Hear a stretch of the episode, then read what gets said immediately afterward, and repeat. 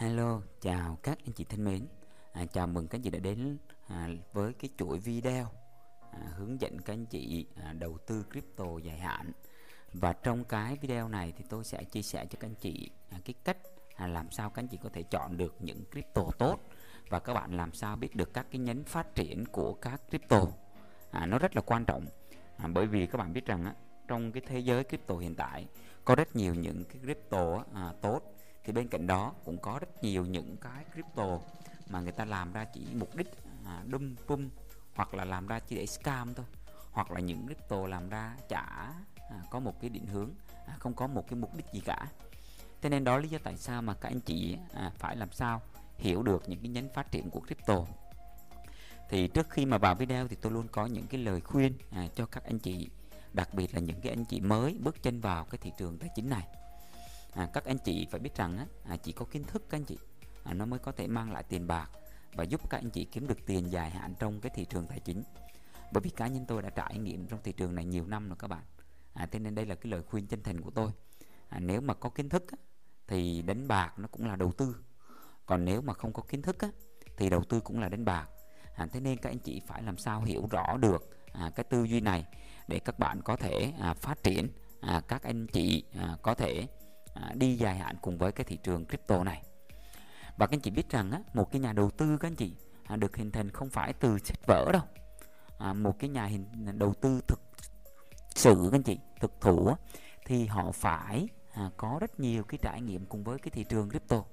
À, họ trải nghiệm họ đã từng á, à, mắc nhiều những cái sai lầm rồi từ đó họ rút ra những cái kinh nghiệm.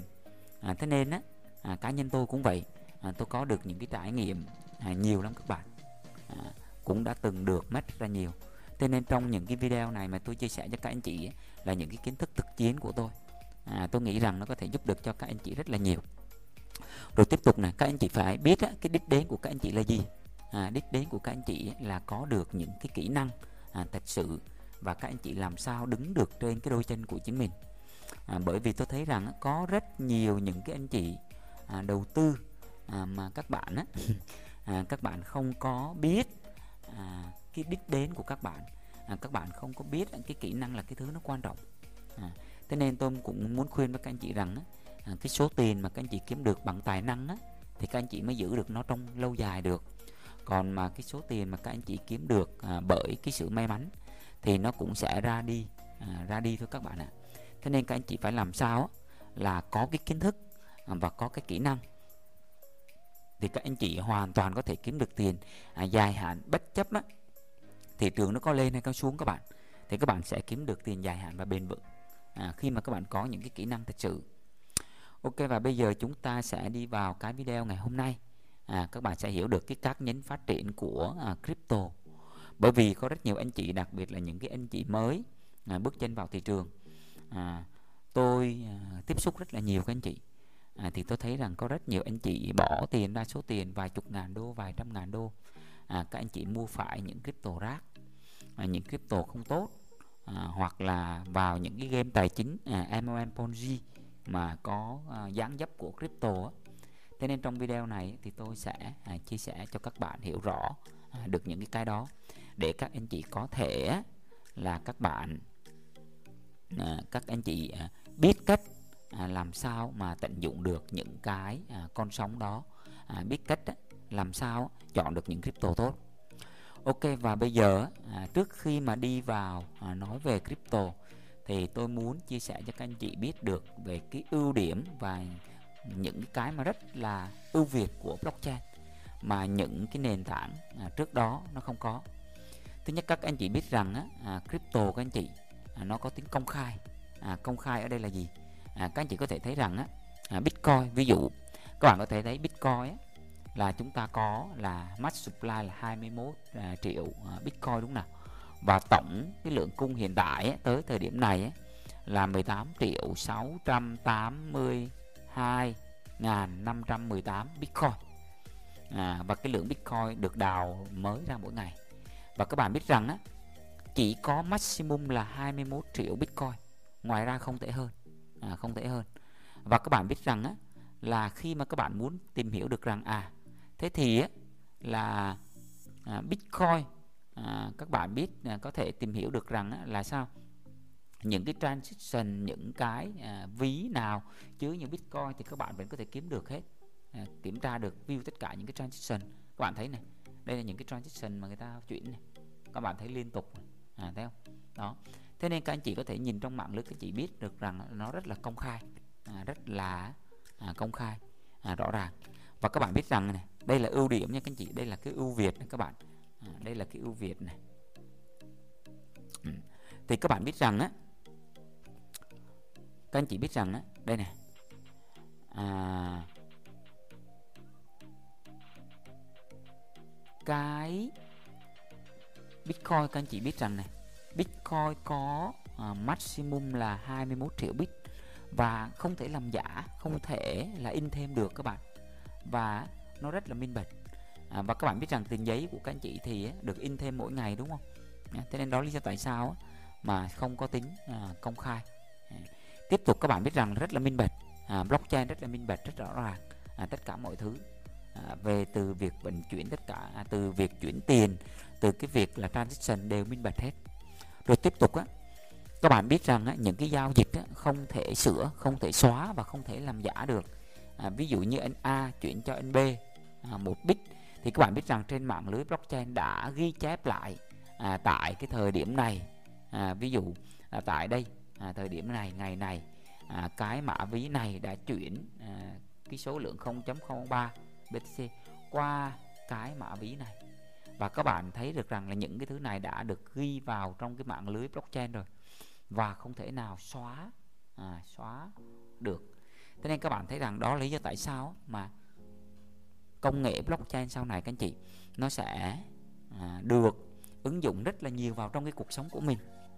À, thì các bạn biết rằng khi mà được ứng dụng như vậy thì các bạn biết rằng nó sẽ là một cái cơ hội của lịch sử loài người nếu như các bạn nắm bắt được những crypto mà có cái hệ sinh thái nó phát triển tốt rồi các bạn biết rằng là khó bị tấn công hệ thống. À, các anh chị biết rằng á, hiện tại á, rất nhiều những cái hệ thống ví dụ như là ngân hàng này hoặc một số cái hệ thống của à, những cái hãng hàng không hay là gì đó thì họ vẫn đang xài là hệ thống là tập trung à, tập trung tại một server.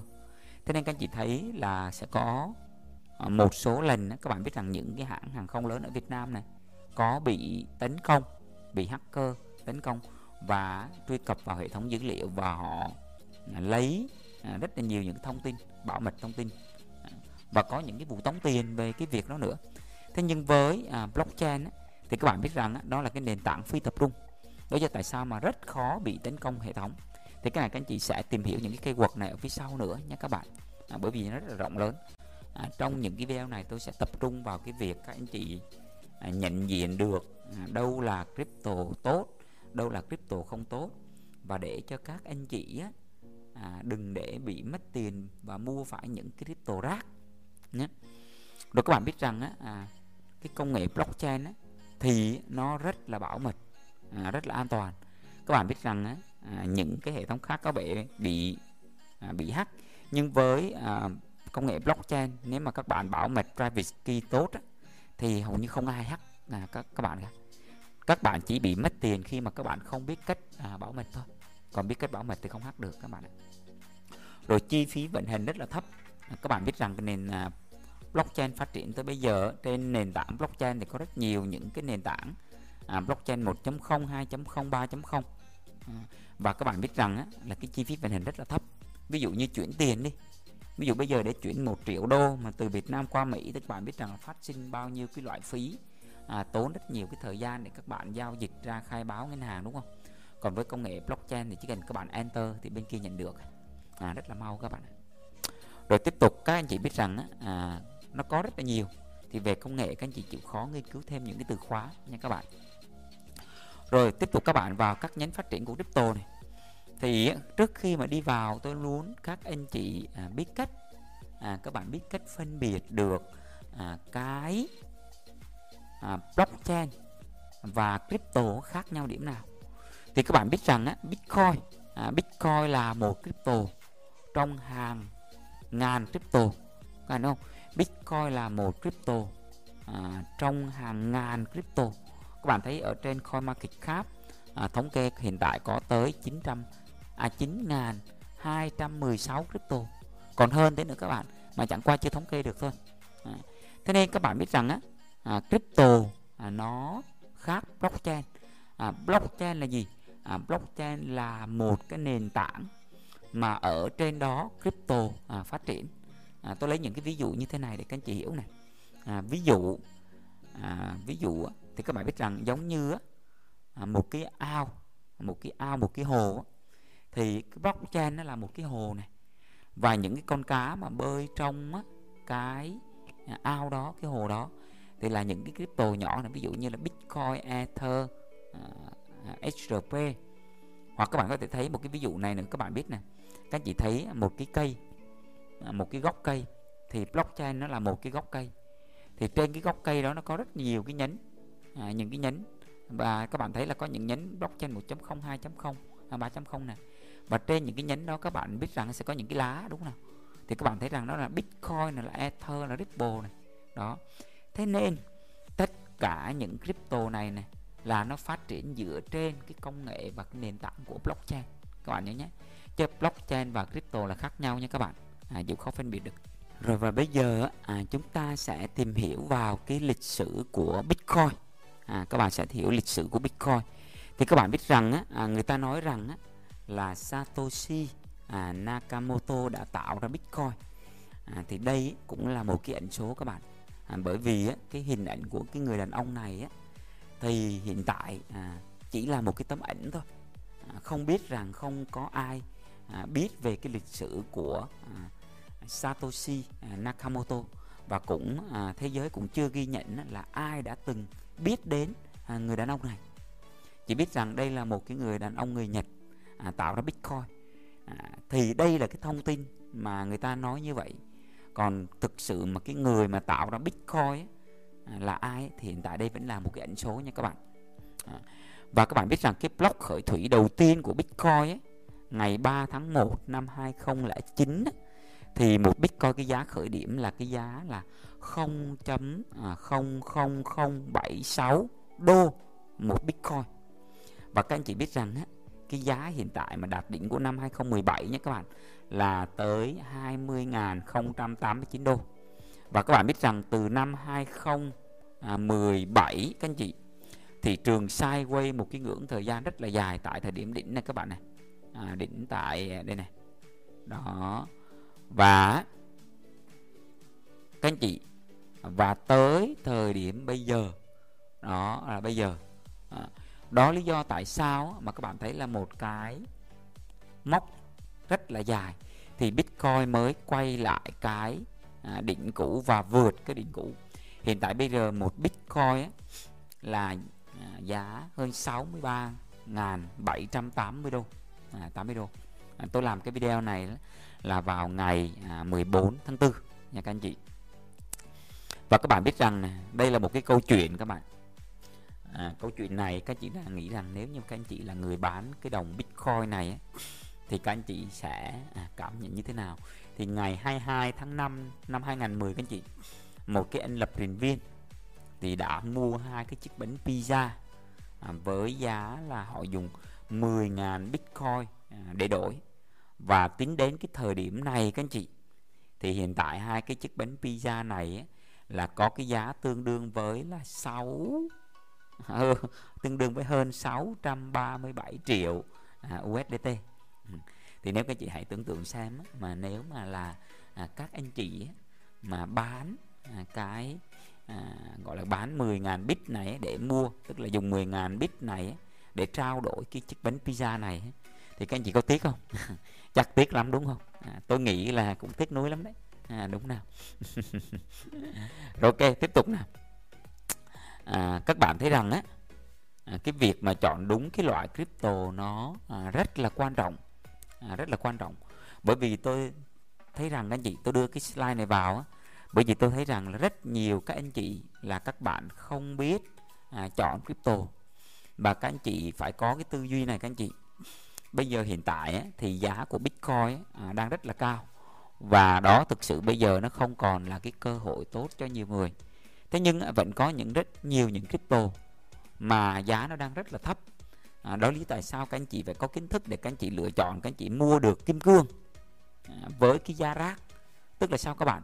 À, bây giờ người ta vẫn chưa thấy được những cái tiềm năng của nó. Ví dụ như là Terra này thôi các bạn biết rằng tại thời điểm giá rất là thấp này có 0 chấm à, không mấy đô thôi. 0.02 0.01 có thời điểm xuống. Như vậy 0.021 đô à, một à, crypto. Và bây giờ các bạn thấy thời điểm à, đỉnh điểm à, là nó tới 21 à, đô. À, thì các bạn biết rằng là cái này nhân lên các bạn biết rằng là bao nhiêu lần? Nó rất là nhiều lần đúng không? Cũng tương tự ví dụ này đồng won đi. À, ví dụ như đồng won đi. À, các bạn thấy là cái đồng won nhé các bạn thấy rằng cái giá mà từ đáy lên đúng không? Thì các anh chị thấy rằng là tăng giá bao nhiêu? Nếu các bạn bán được trên này là các chị sẽ tăng giá được tới ba ngàn à, sáu ba ngàn sáu trăm à, tám mươi bốn lần tức là tương đương với 36 lần à, đúng không? Nếu như các anh chị mua được cái giá tốt ở đó. À, thế nên các anh chị thấy là những cái cơ hội nó vẫn có trong cái thị trường này đúng không? Các anh chị làm sao phải biết cách chọn kim cương mới giá ra không biết kim cương thì cũng phải tìm vàng để mà mua đúng không? Mua với cái giá thấp. À, cũng không thôi thì cũng mua bạc cũng được. À, ít được à, 5 lần 10 lần cũng tuyệt vời đúng không nào? À, làm gì mà ở xã hội bây giờ các anh chị mà bỏ à, một ngàn đô hai ngàn đô ra đúng không? Ví dụ những anh chị có số vốn nhỏ mà kiếm được 10 ngàn 20 ngàn đô à, lấy đâu ra các bạn? Không có thị trường nào mà cái khả năng tăng giá trong cái thời gian rất là ngắn như vậy. Tuy nhiên thì tôi thấy cũng rất là thương những cái anh chị những cái cô chú á, mà các bạn không biết các bạn vào các bạn mua những crypto mà MLM à, Ponzi à, không có cái giá trị hoặc những crypto mà làm cho vui thôi họ tạo ra xong để họ à, bung họ tung xong rồi bắt đầu là họ cầm tiền họ đi họ chả phát triển cái dự án. Thì chẳng khác gì các anh chị mua phải rác cả à, mua phải rác à, có rất nhiều anh chị mà cái ví coi bây giờ à, nhiều loại lắm. À, nhưng mà cái giá trị nó không có thậm chí là nó về zero luôn. À, đặc biệt là những anh chị nào mà trải qua cái năm mà 2017 các anh chị mới thấm điều này. À, tôi cũng có một trong cái ví à, một cái ví cũng có khá nhiều cái crypto các anh chị những cryptocurrency mà năm 2017 mình chơi một số cái game mà à, tài chính á à, mình mua một số crypto á, à, bỏ rất nhiều tiền các bạn à, mua à, thế nên đó lý tại sao mà các bạn làm sao mà né được. À, chứ thôi là mua những crypto với giá rác này. Và đặc biệt tôi cũng thương những anh chị nào á, mà mua những crypto mà MLM Ponzi á, à, xong rồi bây giờ các bạn thấy là suốt ngày á à, các anh chị à, phải đối mặt với cái việc á, là rất nhiều những cái người ở cái tuyến dưới đúng không? Các anh chị giới thiệu cho họ mua crypto đó. Rồi bây giờ họ hỏi anh ơi dự án sao rồi? Ba la ba la. Trong lúc đó cái dự án thì nó chết rồi đúng không? Và suốt ngày ấy, là các anh chị không yên được à, không có tâm an được. Thì tôi nói các bạn là giống như mua crypto đó các bạn mua giống như mua giống, mua giống xịt vậy đó. Thì à, nó khổ lắm các bạn. À, mua không phải mà à, giống xịt thì khổ lắm. Nên làm sao các anh chị phải chọn được những crypto à, tốt để mua vào nha các bạn. Thì à, trong cái video này à, nó sẽ giải thích cho các bạn về cái mô hình MLM à, kết hợp với à, Ponzi à, thì các anh chị phải xem qua cái video này à, để các anh chị hiểu được cái coin MLM à, Ponzi nó vận hành như thế nào. Các bạn phải hiểu được MLM là gì các anh chị phải hiểu được Ponzi là gì. À, thì à, các bạn mới bắt đầu hiểu được cái mô hình cái sự kết hợp à, giữa à, MLM và Ponzi. Thì có một cái video khá hay à, tôi đưa cái video này vào à, để cho các anh chị xem để các anh chị hiểu à, nha các bạn ok các anh chị xem cái video nhé Mô hình đa cấp Ponzi trong hình thù kim tự tháp là mô hình đa cấp vô cùng nguy hiểm và thường gây ra thiệt hại tài chính to lớn, đặc biệt là đối với các nhà đầu tư thiếu hiểu biết và thiếu kinh nghiệm. Những mô hình này thường thuyết phục nhà đầu tư bằng những lời quảng cáo hấp dẫn nhằm thuyết phục rằng họ sẽ nhận được lợi nhuận rất cao với rất ít hoặc không có rủi ro nào. Như các bạn đã biết, mô hình Ponzi và mô hình kim tự tháp đều không cung cấp sản phẩm hay dịch vụ rõ ràng nào, bị phụ thuộc vào dòng tiền của nhà đầu tư để duy trì hoạt động. Tuy có liên quan đến nhau, nhưng vẫn có một số khác biệt cơ bản giữa hai mô hình này. Mô hình Ponzi là một mô hình lừa đảo tài chính hoạt động bằng cách trả lợi nhuận cho nhà đầu tư trước bằng tiền của các nhà đầu tư sau. Các nạn nhân của mô hình này thường bị thu hút bởi những lời hứa suông về lợi nhuận đầu tư tốt với rủi ro tối thiểu. Vì mô hình Ponzi không có cách huy động vốn hợp lý nào, chúng phụ thuộc vào việc liên tục mời chào, biến các nhà đầu tư đang tìm kiếm các khoản đầu tư hứa hẹn thành những nạn nhân mới của nó. Trong giai đoạn khởi đầu của một mô hình Ponzi, các nhà đầu tư sẽ được trả tiền khi mời thêm người tham gia đầu tư mới vì thời điểm này họ tin rằng đó là một công ty hoạt động hợp pháp. Nhưng khi hệ thống mở rộng, việc trả lợi nhuận như đã hứa hẹn ban đầu ngày càng trở nên khó khăn hơn vì nó đòi hỏi số lượng người tham gia mới ngày càng tăng. Cuối cùng, khi các công ty dạng này sụp đổ vì những kẻ đứng đầu của các công ty này bị bắt hoặc chúng đã cao chạy xa bay với số tiền của các nhà đầu tư. Mô hình Ponzi được đặt theo tên của Charlie Ponzi, một kẻ lừa đảo người Ý chuyển đến Mỹ sinh sống và trở nên nổi tiếng nhờ số tài sản và hệ thống làm ra tiền của gã. Năm 1920, Charlie thành lập một công ty để quảng bá cho mô hình Ponzi và đã lừa được hàng trăm nạn nhân trong vòng hơn một năm. Tiếp theo, mô hình kim tự tháp là một mô hình hoạt động trong lĩnh vực kinh doanh và dựa vào việc kinh doanh theo mạng lưới. Các mô hình kim tự tháp luôn hứa hẹn các khoản thanh toán và phần thưởng cho các thành viên không chỉ tham gia hệ thống mà còn tuyển thêm thành viên mới vào chi nhánh của thành viên đó. Do đó, mỗi người tham gia hệ thống sẽ nhận luôn một khoản hoa hồng của họ trước khi chuyển tiếp lên đỉnh của kim tự tháp. Hầu hết các mô hình kim tự tháp không cung cấp sản phẩm thực và chỉ được duy trì bằng số tiền huy động được từ việc lôi kéo thành viên mới. Trong một số trường hợp, mô hình kim tự tháp được quảng cáo như một công ty tiếp thị đa cấp hợp pháp có cung cấp sản phẩm hoặc dịch vụ nhưng thực chất chỉ để che giấu hành vi lừa đảo. Vậy điểm khác biệt giữa hai mô hình này là gì? Ponzi thường được giới thiệu như một dịch vụ quản lý đầu tư, nơi những nhà đầu tư tham gia tin tưởng rằng lợi nhuận của họ nhận được là kết quả của các khoản đầu tư chân chính. Các nhà đầu tư không bắt buộc phải tuyển thêm thành viên mới để nhận thanh toán, mà chỉ cần ủy thác đầu tư bằng tiền của họ. Các đại nhân của mô hình Ponzi thường tái đầu tư khoản lãi suất của họ. Việc này làm trì hoãn sự sụp đổ của hệ thống này. Nó giống như việc lấy của người này để trả cho người kia thôi. Còn mô hình kinh tự tháp dựa trên việc kinh doanh theo mạng lưới và yêu cầu những người tham gia mời chào thành viên mới và được trả tiền cho việc đó. Mô hình này có xu hướng sụp đổ nhanh hơn so với mô hình Ponzi vì yêu cầu thành viên mới tăng theo cấp số nhân. Ok, à, các anh chị thân mến, các anh chị đã xem xong cái video đúng nào? À, và các anh chị biết rằng á, à, khi mà tôi làm cái bộ video à, nói về crypto dài hạn đó các anh chị à, và khi mà tôi à, có chia sẻ cho một những anh chị á, mà về crypto thì rất à, nhiều anh chị à, tôi thấy rằng là họ đã mua phải những crypto á, là không có à, thật sự nghiêm túc. À, thế nên đó lý do tại sao mà tôi làm cái video này. À, các anh chị lưu ý này à, tôi sẽ không nhắc tên bất kỳ một cái game tài chính nào một cái cái đồng crypto nào á, mà đang à, gọi là triển khai theo cái hướng à, dùng crypto coin à, MLM à, kết hợp với cái hình thức à, Ponzi. À, tôi chỉ à, chia sẻ cái này và tôi hy vọng rằng à, chỉ có kiến thức mới giúp cho các anh chị giữ được tiền. À, chỉ có kiến thức á, à, mới giúp cho các anh chị à, mua được những cái đồng crypto tốt và đi dài hạn cùng với thị trường tài chính này. À, thì các anh chị thân mến à, crypto á, thực sự á, nó sinh ra phục vụ cho rất nhiều những cái mục đích à, những cái à, nguyện vọng của rất nhiều người.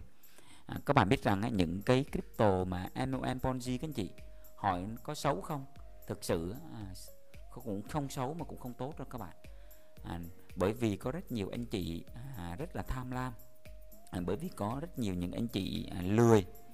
À, nhưng mà các anh chị lại mong muốn à, làm giàu nhân hoặc là các anh chị muốn không làm mà đã có ăn.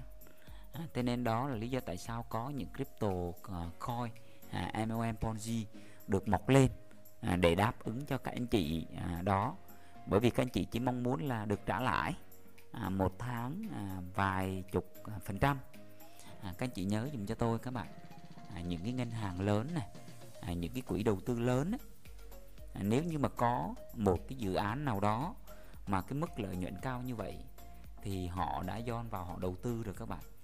À, chứ không đến lượt các anh chị đâu à, không đến lượt là có rất nhiều những anh chị đi mời mọc các anh chị đâu. Thực sự những cái game này nó sẽ rất là tốt.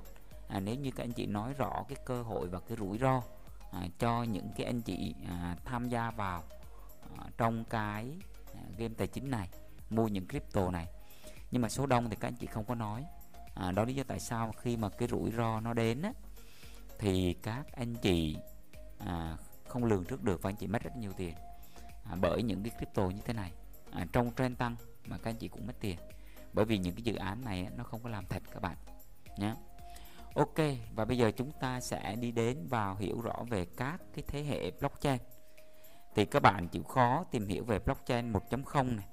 À, 1.0 thì chỉ có là cryptocurrency thôi. Cryptocurrency tức là à, tạo ra những cái đồng tiền để giao dịch thôi. Nhưng mà từ blockchain 2.0 á, thì đã có cái smart contract. Thì các bạn biết rằng như ví dụ như Ether này là có smart contract này. Còn blockchain 3.0 á, thì các bạn biết là ví dụ như ADA này Tezos này thì nó phát triển trên những cái đi app.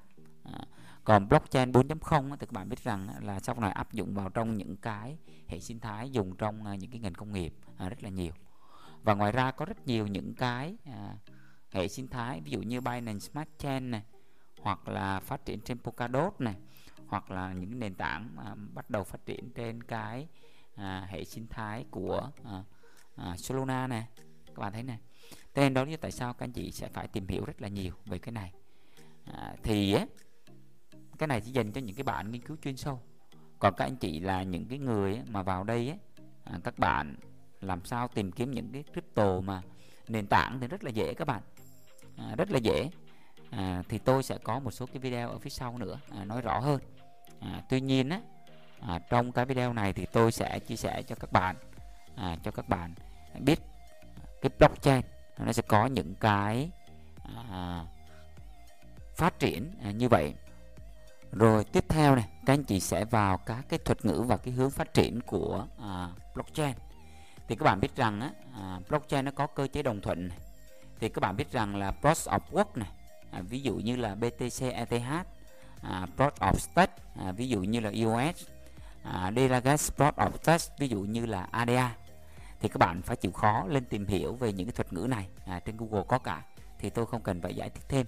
Nhưng các bạn phải biết những cái này ví dụ á, à, để chạy cái chế độ mà Proof of Work á, ví dụ như A à, thơ hoặc là BTC thì các bạn biết rằng phải đào. À, thì các bạn biết rằng à, đào này thì tốn rất nhiều à, năng lượng. À, tốn rất nhiều cái cái cái cái dàn máy đúng nào? Thì chi phí rất là cao còn ví dụ plot of state á, thì các bạn biết rằng á, thì tạo ra nó sẽ à, đỡ tiết kiệm chi phí hơn. Và cái cái mà cơ chế đồng thuận về à, Delegated plot of state á, thì sẽ cực kỳ tốn cái, ít cái chi phí. Thì các anh chị chịu khó tìm hiểu trên uh, YouTube uh, trên Google thì ra rất là nhiều đấy các bạn. Các bạn có thể tìm hiểu từ đó. Thì các bạn thấy những cái hướng phát triển này thì có rất nhiều crypto là chỉ để đầu cơ À, tức là sinh ra dùng để trading thôi ngoài ra chả làm gì cả. Thì các anh chị có kiến thức các anh chị sẽ tìm hiểu bên trong đó thì các anh chị sẽ thấy. Rồi những crypto làm về phương tiện thanh toán này. Rồi những crypto sinh ra làm cho vui. À, chẳng có làm gì cả. Thế nên đó là tại sao mà nhiều anh chị không biết mua phải những crypto à, mà cứ đợi nó tăng giá. Trong lúc đó hỏi các anh chị mua để làm gì. À, rồi á hỏi các anh chị có hiểu gì về crypto đó không? À, tôi có gặp rất nhiều những cái anh chị mà họ thực sự họ mang những cái niềm tin nó rất là mãnh liệt vào những crypto. Nhưng mà toàn crypto rác không các bạn ạ. À. tôi thấy tội cho họ lắm. Nhưng mà họ phải từ từ phải nhận ra những cái bài học đó các bạn. À, bởi vì á, là giá đâu có đâu. Các chị hãy tưởng tương nhân tượng nhé. Bây giờ có rất nhiều anh chị mua những crypto như vậy à, bán ở những cái hội thảo. Xong các chị cứ nghe cái lộ trình sẽ tăng giá lên à, 5 đô 10 đô 20 đô sẽ ít tài khoản vài trăm lần các anh chị có khi nào các anh chị đặt câu hỏi là cái cộng đồng mà đang nắm giữ crypto đó là họ có phải là cộng đồng à, thông minh smart không? Phải cộng đồng những cái người giàu thật sự không? Và các bạn hãy tưởng tượng xem mà crypto đó khi lên sàn á, các bạn có mua thêm không? Hay là cả cái cộng đồng xã thì các bạn hiểu quy luật cung cầu rồi mà. Người bán thì phải có người mua. À, thế thì bây giờ mà các anh chị lên trên sàn à, lúc mà crypto lên sàn mà các anh chị ai cũng bán hết mà không có cái người mua thì cái giá nó sẽ là bao nhiêu? À, có rất nhiều anh chị trong đó cứ nói như vậy thì tôi cũng à, hay cười thôi. Thì thấy trên này có rất nhiều những crypto mà giá nó tiến về không đó các bạn. À, tiến về không ví dụ như để tôi xem trong này. À, đây Rego coin này. À, các bạn thấy này. Bây giờ chạc còn không có luôn này. À, không còn chạc nữa à, một huyền thoại đó các bạn ạ. À, Rego coin này. Đấy rồi ví dụ như là à, ví dụ như BCC này ví dụ này. À, à, xóa rồi. À, rất nhiều những crypto khác. À, ví dụ như rác này. À, đâu rồi như đây. Nè các bạn. À, những crypto này à, một thời. À, bây giờ còn già không? Nè các bạn thấy nè. Đung pum xong bây giờ này à, volume giao dịch á, có 54 đô các bạn bán cho ai đúng không? Các bạn ôm những crypto này thì chỉ có thua thôi. Tiếp tục này. Các bạn à, à vào tiếp. Nó xin ra chả làm gì cả? Rồi những crypto mà Ponzi à, landing à, huy động vốn à, và có thêm một số crypto á, là hiện tại ban chỉ farming sinh ra là để farm chỉ đi farm à, và tôi thấy cộng đồng cũng lao vào những crypto rất là nhiều chả có cái hệ sinh thái gì cả. Các bạn hãy nhớ tất cả mọi thứ nó đều xoay quanh cái nguồn tiền các bạn. Các bạn làm sao đừng để bị rơi vào những cái à, game như vậy. Rồi những cái crypto mà các chị đầu tư làm sao phải dựa vào phải tìm lựa chọn các chị? Những cái crypto mà có cái hệ sinh thái phát triển trong tương lai à, nó rất là nhiều. À, thì tôi sẽ à, nói những cái này ở những cái video sau. Và những crypto về công nghệ nó rất là nhiều các bạn ạ thì đó là cái hướng phát triển và các bạn phải nắm rõ. Rồi để chọn một crypto tốt thì bây giờ cần phải làm gì? À, rất là nhiều các chị. Thì nó sẽ dựa vào phân tích à, cơ bản này. À, dựa vào cái phân tích kỹ thuật. À, ngoài ra rất là nhiều những yếu tố khác. Thì à, tôi sẽ nói rõ ở những cái video tiếp theo. À, tôi hy vọng cái video này nó đã giúp cho các anh chị được một phần nào đó để các anh chị có thể lựa và né những cái crypto mà nó không làm nghiêm túc thật sự à, tất nhiên á, à, trong mỗi cái game tài chính thì sẽ có được và mất. À, cái người này kiếm được tiền thì cái người mất tiền. À, và nhưng mà nếu mà có kiến thức á, thì các anh chị sẽ không mua những crypto mà nó nó nó không thực sự tốt. À, những crypto mà MLM Ponzi nó được tạo ra cũng phục vụ cho một cái cộng đồng. Mà những người họ thích những cái game đó hoặc là những người rất là mới họ không có hiểu gì về cái thị trường đó. Các bạn ok hẹn gặp lại các anh chị trong những cái video tiếp theo. À, thân ái chào tạm biệt các anh chị.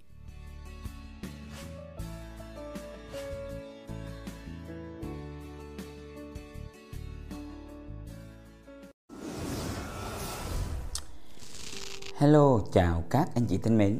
Chào mừng các anh chị đã quay trở lại với cái chuỗi video hướng dẫn các anh chị trading. Và trong cái video này là một cái video cực kỳ quan trọng à, Với cá nhân tôi, tôi đã đi với thị trường trading nhiều năm. Tôi cũng quan sát rất nhiều những cái kênh youtube à, Và tôi cũng học rất là nhiều các anh chị. Thì tôi thấy à, thông thường chúng ta Chúng ta tập trung tìm hiểu rất là nhiều những cái chỉ báo những cái indicator trong trading. À, nhưng mà các bạn quên mất một cái điều à, cái căn bản nhất là các cái yếu tố để vào lệnh các anh chị chưa có à, một cái ru rõ ràng đó lý do tại sao mà tôi thấy rất nhiều bạn à, loay hoay mãi. À, các bạn cứ rơi vào trong cái vòng luẩn quẩn cứ trade thua lỗ rồi đi tìm cái phương pháp mới à, rồi trade thua lỗ rồi lại đi tìm cái phương pháp mới cứ liên tục như vậy. Thế nên á à, tôi thấy mà các bạn cần phải để ý những cái điều này. Thì cái video này á, tôi à, giải thích rất là rõ cho các anh chị. Để các bạn hiểu về à, trading à, các bạn cần phải à, là để ý vào những cái yếu tố nào. À, vì khi mà các bạn hiểu được cái điều này thì nó sẽ giúp cho các anh chị rất là nhiều. Nó sẽ tiết kiệm được cái thời gian cho các bạn à, và các bạn sẽ biết à, tập trung vào cái à, gọi là cái điểm mà các bạn đang bị hạn chế các bạn đang bị à, gọi là khiếm khuyết đang bị hỏng ở những cái điểm nào. Thì nó rất là quan trọng nha các bạn. Thế nên á, à, tôi muốn các anh chị làm sao à, phải ghi chép đầy đủ mà các bạn lưu ý kỹ những cái yếu tố này. À, bởi vì đây là cái thứ mà tôi tích lũy được à, trong rất nhiều năm. Và tôi hiểu rằng á, cần phải basic cần phải đơn giản như vậy thì các anh chị mới hiểu được. Thì trước khi mà đi vào cái video tôi luôn có những cái lời khuyên à, chân thành cho các bạn. À, chỉ có kiến thức nó mới có thể mang lại tiền bạc và giúp cho các anh chị kiếm được tiền dài hạn trong cái thị trường tài chính. À, tôi thấy rất nhiều anh chị à, đặc biệt là à, cũng giống như tôi ngày trước thôi các bạn à, khi mà các bạn vào với cái thị trường trading thì các bạn nghĩ rằng nó có thể là một cái nơi làm giàu nhanh chóng.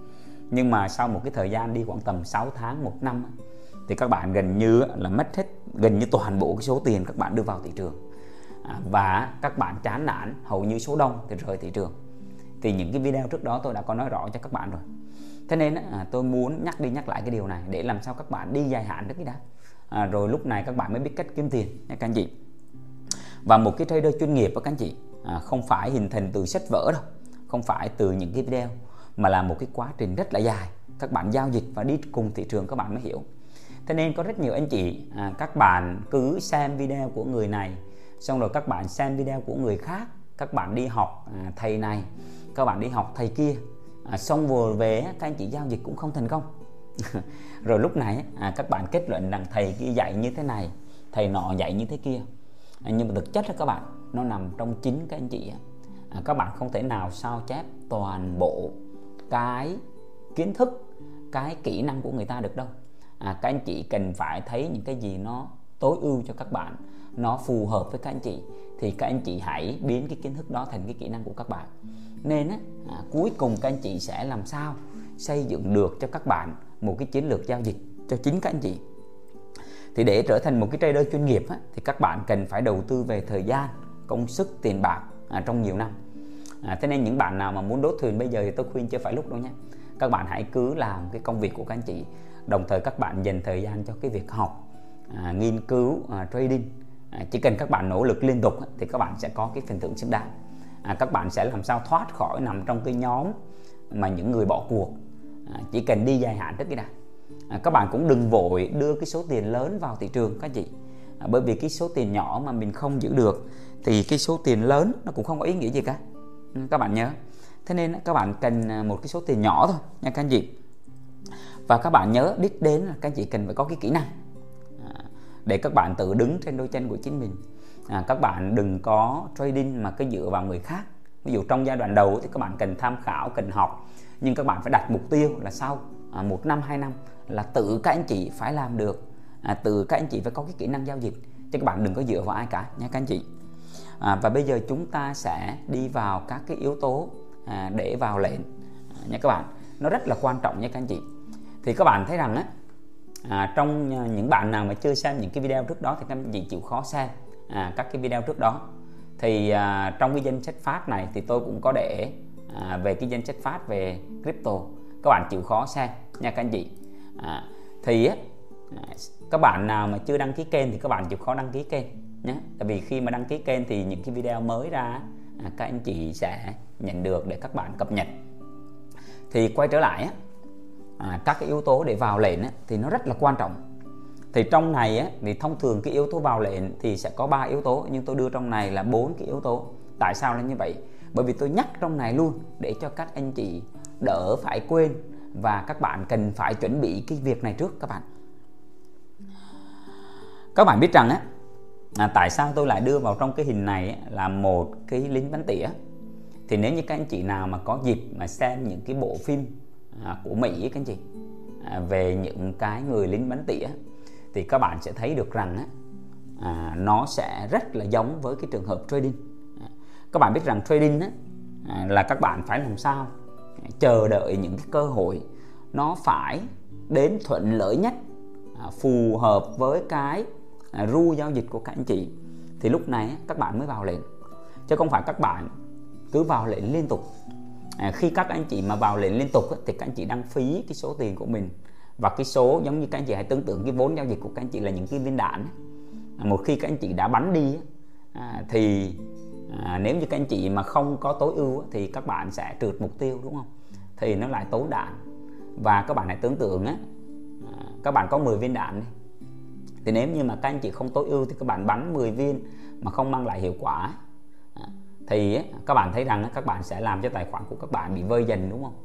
Thế nên đó lý do tại sao các bạn thấy rằng những cái người lính bắn tỉa này họ chờ đợi cơ hội. Thậm chí các bạn thấy mà có những cái cơ hội mà người ta chờ đợi dụ như họ đợi mục tiêu các bạn à, đợi trong vài ngày à, vài tuần. Rồi các bạn thấy rằng khi họ bóc còi họ phải tính à, về độ ẩm này về sức gió này rất là nhiều thứ thì cũng giống như các bạn thấy cái cơ hội đến rồi đó. Nhưng mà phải chọn cái tín hiệu nó vào lệnh đẹp thì mới vào. Các bạn hiểu không? Thì á, có những cái yếu tố để vào lệnh các bạn để ý.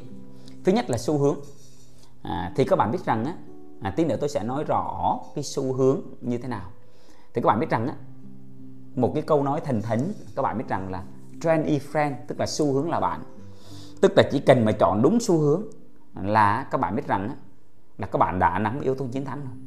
Thế nên trong những cái yếu tố thì cái xu hướng là cực kỳ quan trọng. Các bạn có thể chọn cái điểm vào lệnh nó không đẹp nhưng mà chọn đúng xu hướng trend thì các bạn sẽ thắng cái thứ hai nữa là các cái level tức là các cái ngưỡng à, các cái ngưỡng. Thì các bạn biết rằng á, à, có những cái ngưỡng hỗ trợ và kháng cự rất là quan trọng. Thì các bạn cần phải để ý biết những cái thứ đó. Thì tí nữa tôi sẽ nói rõ trong cái à, chạc cho các bạn. Cái thứ ba nữa là các cái dấu hiệu vào lệnh.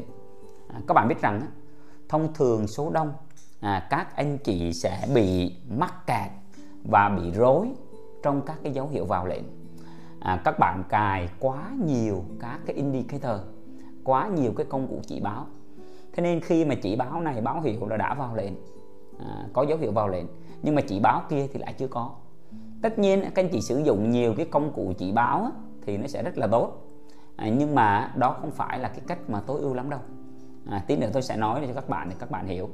À, thì á, các bạn cần phải biết được rằng cái dấu hiệu vào lệnh các bạn cần phải có cái ru và để mà có thể mà hiểu được cái phương pháp nào mà mà tối ưu cho các bạn thì các bạn cần phải trải nghiệm trong một cái thời gian rất là dài.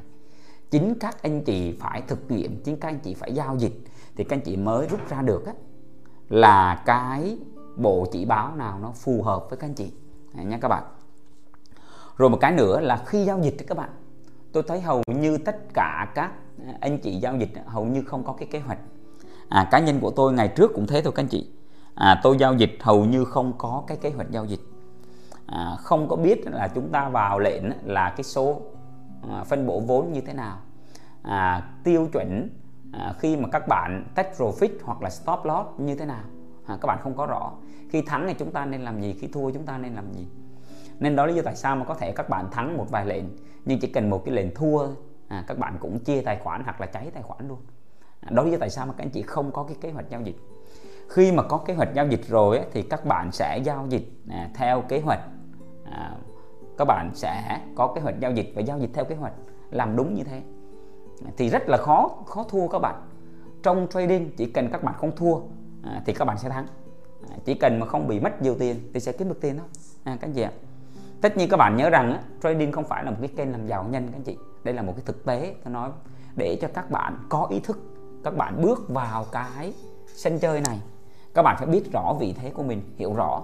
À, thì lúc đó các bạn mới à, có khả năng chiến thắng được nha các anh chị. Thì tôi sẽ đi rõ từng cái à, giải thích cho các bạn hiểu trong này. Các bạn nhớ ghi kỹ nhé các anh chị. À, bất kể các anh chị giao dịch à, bất cứ cái phương pháp giao dịch nào các bạn đều phải à, có những cái dấu hiệu những cái yếu tố để vào lệnh. Thì đây là cái cái chung nhất để các bạn có thể hiểu nha các anh chị. Thì đầu tiên à, thứ nhất á, là các anh chị đầu tiên các bạn vào giao dịch á, thì các bạn phải biết được rằng á, là cái xu hướng mà các anh chị đang giao dịch à, là cái xu hướng như thế nào. À, thì quay trở lại này các bạn có thể thấy nhé. À, trong cái chạc ở đây ví dụ các bạn có thể thấy cái chạc BTC à, để tôi sẽ à, ảnh hết những cái à, indicator để các bạn dễ dàng các bạn thấy này. thì quay trở lại này các bạn có thể thấy nếu như các anh chị nhìn thấy trong cái xu hướng dài hạn các bạn thấy trong xu hướng dài hạn thì sao? À, một cái trend tăng à, một cái trend tăng. Và sau đó các bạn thấy ở đây là có một cái nhịp điều chỉnh xuống này. Đó. và các bạn thấy rằng tại cái vùng này là thị trường đang à, trong cái ngưỡng sideways à, trong một cái ngưỡng thời gian. À, các bạn thấy không? À, đang sideways. À, các bạn để xíu nhé. Đây các bạn thấy à, trong cái ngưỡng này đang sideways trong cái khung này cái ô chữ nhật này. Thế thì á các bạn hãy quan sát kỹ à, về trong dài hạn trong dài hạn thì các bạn thấy rằng á, là vẫn đang trong cái trend tăng à, trong cái sóng tăng. Nhưng mà sao? Trong ngắn hạn này, ở đây là tôi thường các chị tôi hay giao dịch theo cái nến ngày. À, và thông thường để tìm cái điểm vào lệnh đẹp á, thì tôi hay mở ra cái khung thời gian à, nhỏ hơn 4 giờ à, tôi xem cái điểm vào lệnh. À, tôi xem những cái điểm vào lệnh. À, thậm chí có những lúc tôi cũng mở ra một giờ để tôi xem cái điểm vào lệnh đẹp. Tuy nhiên thông thường tôi sẽ mở 4 giờ là nhiều. À, các bạn à, tôi ít khi giao dịch là một giờ. Tùy tùy theo mỗi người. À, thông thường các bạn biết rằng để có thể mà nhìn được cái xu hướng dài hạn thì các bạn chịu khó nhìn theo cái nến tháng à, để biết được à, cái xu hướng. À, và tất nhiên á, à, các bạn dùng cái khung thời gian nhỏ hơn à, nến tuần để các bạn biết rằng à trong cái à, ngưỡng này nó đang thị trường đang đi như thế nào. Và các bạn muốn tìm kiếm những cái điểm vào lệnh á, thì các bạn à, xem đến ngày để các bạn xem. Thì các bạn thấy này ở đây là một cái vùng sideways à, thì khi mà vào giao dịch hoặc một cặp crypto nào một đồng tiền nào thì các bạn cần phải à, cần phải xem à, cái xu hướng à, của nó các bạn. À, thì giống như các bạn vào giao dịch các bạn sẽ thấy à ở đây à, thị trường à, crypto à, thì các bạn cần phải à, cần phải à, xác định rằng đây là cái thị trường à, đang là sideways các bạn nhớ đang là sideways à, thế thì á khi trong thị trường sideways thì chúng ta sẽ biết được chúng ta sẽ giao dịch như thế nào. Thị trường uptrend à, thì chúng ta sẽ giao dịch như thế nào. Thị trường à, downtrend thì chúng ta sẽ giao dịch như thế nào để sao các bạn sẽ biết được rằng á, các bạn làm sao follow theo cái xu hướng à, follow theo xu hướng. À, ví dụ nếu như trong sóng tăng thì các bạn chỉ nên à, mua vào hạn chế giao dịch ngược cái xu hướng. À, trong xu, xu hướng mà downtrend thì các bạn chỉ nên bán ra. Các bạn hiểu không? Bán ra. À, thế nên khi các bạn phải hiểu được cái điều này để các bạn mới chọn được cái cái xu hướng để các bạn vào lệnh phải follow theo xu hướng. Xu hướng là bạn. Đừng có bao giờ đi ngược cái cái xu hướng các anh chị. À, nó rất là quan trọng. Nên đầu tiên trước khi vào giao dịch cho dù các anh chị áp dụng tất cả các cái công cụ chỉ báo nào thì các anh chị cũng cần phải biết cái xu hướng của thị trường xu hướng của một cái cặp tiền các bạn đang giao dịch. Ví dụ à, các bạn có thể giao dịch cái cặp ví dụ như là Solana đi. À, Solana. Thì các anh chị cũng phải cần xem à với Solana hiện tại thì thị trường đang như thế nào? Tức là sao? Sau khi một cái sóng tăng thì bây giờ đang trong cái nhịp điều chỉnh đúng không? Điều chỉnh. Thì khi mà như vậy thì các bạn xem khung thời gian nhỏ hơn nữa để xem có những cái dấu hiệu để vào lệnh không? À, các bạn hiểu không? Thì phải xem cái xu hướng của nó ví dụ như là đi A. Đó các bạn thấy à, các bạn cần phải à, xem đến tuần. Đó các bạn thấy sau một cái nhịp điều chỉnh à, giảm xuống rất là mạnh thì bắt đầu đang có những cái dấu hiệu điều chỉnh này. Các bạn nhìn đến tuần các bạn thấy này đây đang có cái dấu hiệu điều chỉnh hiểu không? Đấy. Thì á à, khi mà như vậy á à, thì các bạn mới à, mới có thể là sao? Tìm kiếm những cái điểm vào lệnh trong này. Đó và các bạn bắt đầu mở ra cái đến tuần đến ngày để các bạn xem. À, và các bạn thấy này ở đây là một cái vùng à, vùng kháng cự đẹp đúng không? Đây tí nữa các bạn sẽ xem.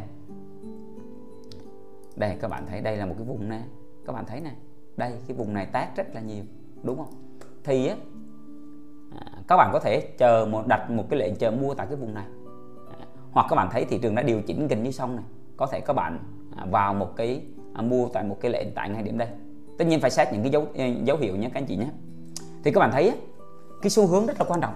Phải biết được xu hướng phải follow theo xu hướng. À, tôi khuyên các anh chị đừng có nên đi ngược xu hướng. À, tất nhiên để bắt sóng hồi à, cũng rất là tốt. Ví dụ các anh chị thấy à, ở đây à, ví dụ như là BTC đi. À, có rất nhiều anh chị ấy, là khi các bạn thấy những cái vùng à, vùng này các bạn áp dụng một số cái công cụ chỉ báo. Các bạn thấy vùng này là cái vùng á, là giá đã lên rất là cao rồi. Các bạn à, bán không. À, thì nó cũng tốt.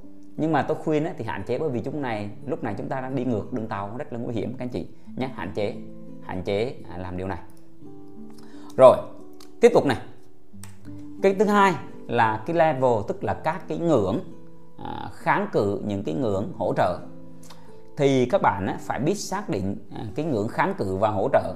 Thì những cái ngưỡng này á, à, trong video tôi có nói rõ kháng cự là gì hỗ trợ là gì. Thì các bạn biết rằng á, tại những cái vùng mà kháng cự hoặc hỗ trợ thì giá nó có cái phản ứng rất là mạnh à, phản ứng rất là mạnh. À, thời điểm này các bạn thấy à, đối với BTC này, à, đối với BTC thì các bạn thấy rằng á cái vùng giá tại cái vùng giá từ 29.000 đô đến 32.000 đô. Cái vùng này giá nó phản ứng à, quên cái vùng này. Tức là sao? Dưới này các anh chị có một cái khối lượng mua rất là lớn. Nên khi giá mà đi về phía dưới này thì à, các bạn thấy là bật ngược trở lại. Thì điều này có nghĩa là gì? Cái vùng dưới này các bạn cái vùng dưới này có một cái lượng mua rất là lớn. Các bạn thấy này à, đầu tiên khi trong sóng tăng à, sau khi á, giá à, cố tình phá qua cái ngưỡng 40 đến 42 ngàn đô không được đi về lại cái ngưỡng à, từ 28 đến 30 ngàn thì sau đó bật ngược và phá qua cái vùng này. Thì các bạn thấy khi mà phá qua cái vùng này này à, đi lên thì các bạn thấy về ở chỗ vùng này ấy, thì cái vùng mà từ 40 đến 42 ngàn đô trước đó là cái vùng kháng cự thì bây giờ nó sẽ thành vùng hỗ trợ và các bạn thấy giá à, đi về chỗ này này đó thấy không? À, giá đi về đây. À, xong rồi á, bật ngược trở lại đi lên. À, đi lên các bạn thấy đi lên. Và quay trong cái ngưỡng này. À, sau đó các bạn thấy giá đi về đây. À, các bạn nếu các bạn nhìn kỹ này các bạn thấy trong hai ngày hai ngày thị trường đang sideways ở đây. Và sau đó giá đâm thủng xuống cái vùng này. À, đâm thủng xuống vùng này các bạn thấy cũng có cái sự lưỡng lự và sau đó đâm thủng xuống rất là mạnh nhưng mà cái vùng giá từ 29 ngàn à, 29 ngàn này à, các bạn thấy vùng giá này tới 3 khoảng 32 ngàn là một cái vùng giá rất là cứng. Thì khi giao dịch các bạn sẽ thấy dựa vào những cái vùng hỗ trợ và kháng cự để các bạn xem xem à, các bạn chọn cái điểm vào lệnh như thế nào và chốt lời như thế nào. Thì cái này tôi sẽ nói rõ ở phía sau. Nên cái ngưỡng hỗ trợ và kháng cự à, những cái ngưỡng mà giá phản ứng thì các bạn cần phải biết xác định tiếp tục. Những cái dấu hiệu vào lệnh. À, đây là cái thứ mà tôi thấy rất nhiều anh chị là bị rối. À, các bạn biết rằng có rất nhiều cái cách để xác định cái dấu hiệu vào lệnh. Ví dụ các anh chị sử dụng các cái công cụ chỉ báo ví dụ như là à, RSI hoặc là cái đường MA hoặc là Bollinger Band hoặc là à, rất là nhiều cái công cụ chỉ báo. Thì tôi sẽ đưa một vài cái công cụ chỉ báo cho các bạn hiểu. À, các bạn à, nghiên cứu à, tôi sẽ làm những cái video. À, thì á các bạn cũng có thể xem trên YouTube có rất nhiều anh chị họ chia sẻ rất nhiều cái công cụ. À, nhưng mà tôi chỉ muốn nói với các bạn cái điều này các anh chị. À, các bạn làm sao thử dụng thành thạo hoặc là các anh chị chịu khó đào sâu một vài cái công cụ. Bởi vì á à, cái công cụ nó đưa cho các anh chị cái dấu hiệu vào lệnh. Nhưng mà thực sự tôi thấy trong một cái thời gian rất là dài mà tôi trải nghiệm cùng thị trường à, tôi đi từ năm 2013 à, thì à, các bạn biết rằng á, cái yếu tố chiến thắng nó nằm ở chính trong các anh chị á.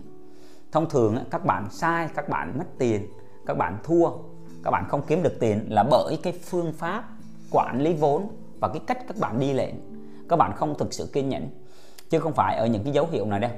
À, nên các bạn chỉ cần áp dụng một vài cái công cụ À, một vài cái chỉ báo à, và các bạn hãy đào sâu vào nó thì các anh chị à, có thể thu được cái kết quả rất là tốt nha các bạn.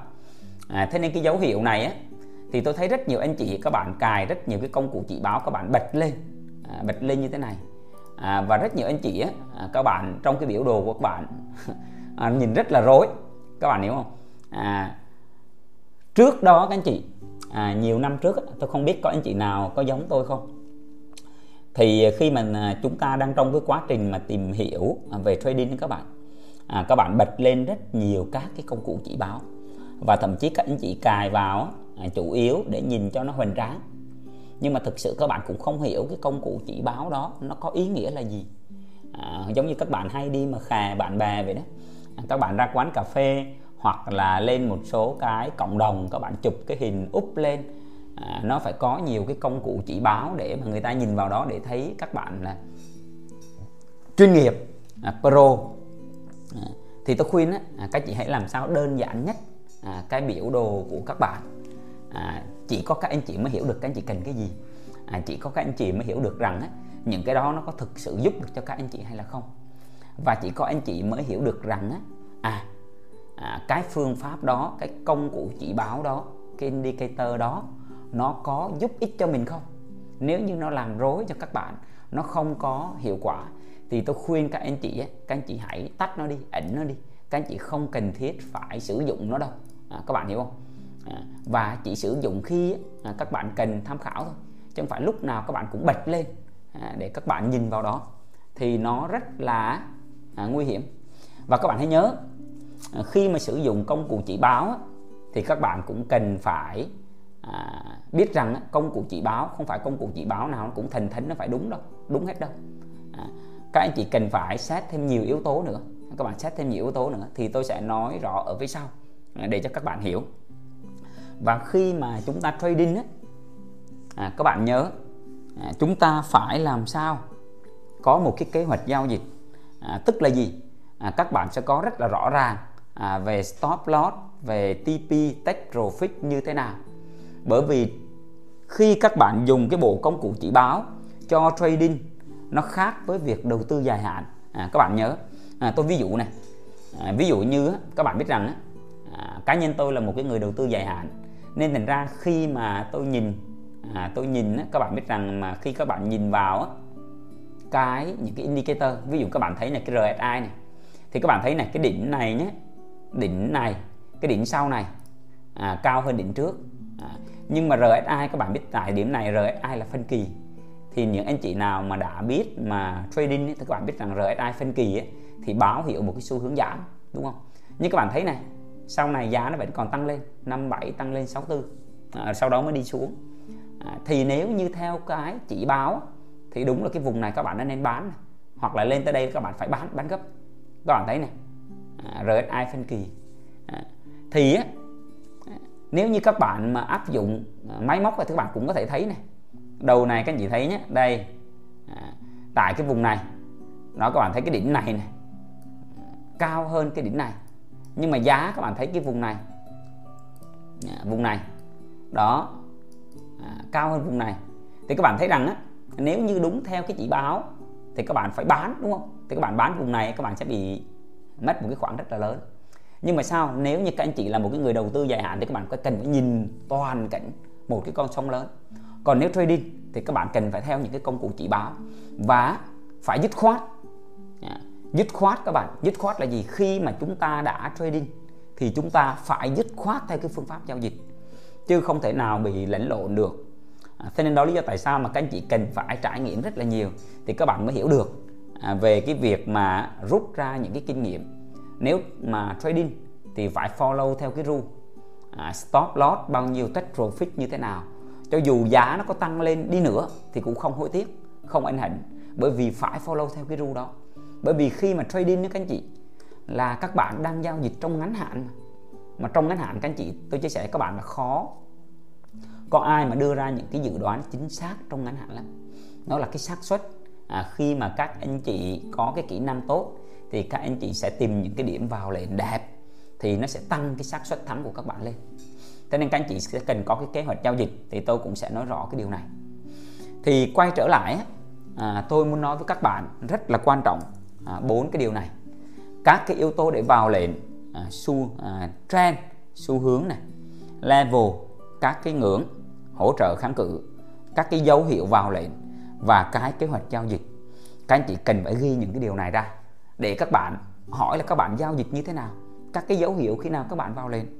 à, tôi biết tới thời điểm này ấy, có rất nhiều anh chị các bạn trading mà các bạn hầu như không có một cái kế hoạch giao dịch. Các bạn vào lệnh các bạn toàn theo cảm tính tức là thấy cái này đẹp đẹp vào thấy đẹp đẹp vào chứ các bạn không có một cái ru à, hãy nhớ khi mà thời điểm đến khi mà các cái yếu tố tiêu chí mà nó hội tụ thì các bạn phải bóp còi và khi đến stop loss hãy để cho dính stop loss. Đến profit take profit hãy để cho take profit. Trừ khi có những cái thông tin đặc biệt hoặc có những cái trường hợp đặc biệt thì các bạn mới can thiệp vào trong đó thôi. Còn lại thì các bạn hãy để cho thị trường tự làm việc của nó nha các anh chị. Thì các bạn hãy nhớ à, tôi muốn các, các anh chị phải hiểu rõ rằng rằng à, trading là các bạn đóng vai của một à, lính bắn tỉa đúng nghĩa các bạn không thể nào giao dịch như là người mà bắn súng máy được.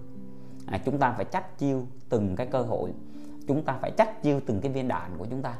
Và khi mà vào lệnh thì điều kiện mọi thứ nó phải đẹp nhất nó phải hội tụ. Còn nếu như không hội tụ thì chúng ta không vào lệnh. Hãy nhớ cơ hội trong thị trường này nhiều lắm. Các bạn có hàng trăm hàng ngàn cái cặp tiền để các bạn vào lệnh mà. Không cơ hội này thì cơ hội này khác. Các bạn nhớ luôn có cái cơ hội trong cái thị trường này à, nha các anh chị. Ok. À, hẹn gặp lại các bạn trong những cái video tiếp theo. Thân ái chào tạm biệt các anh chị.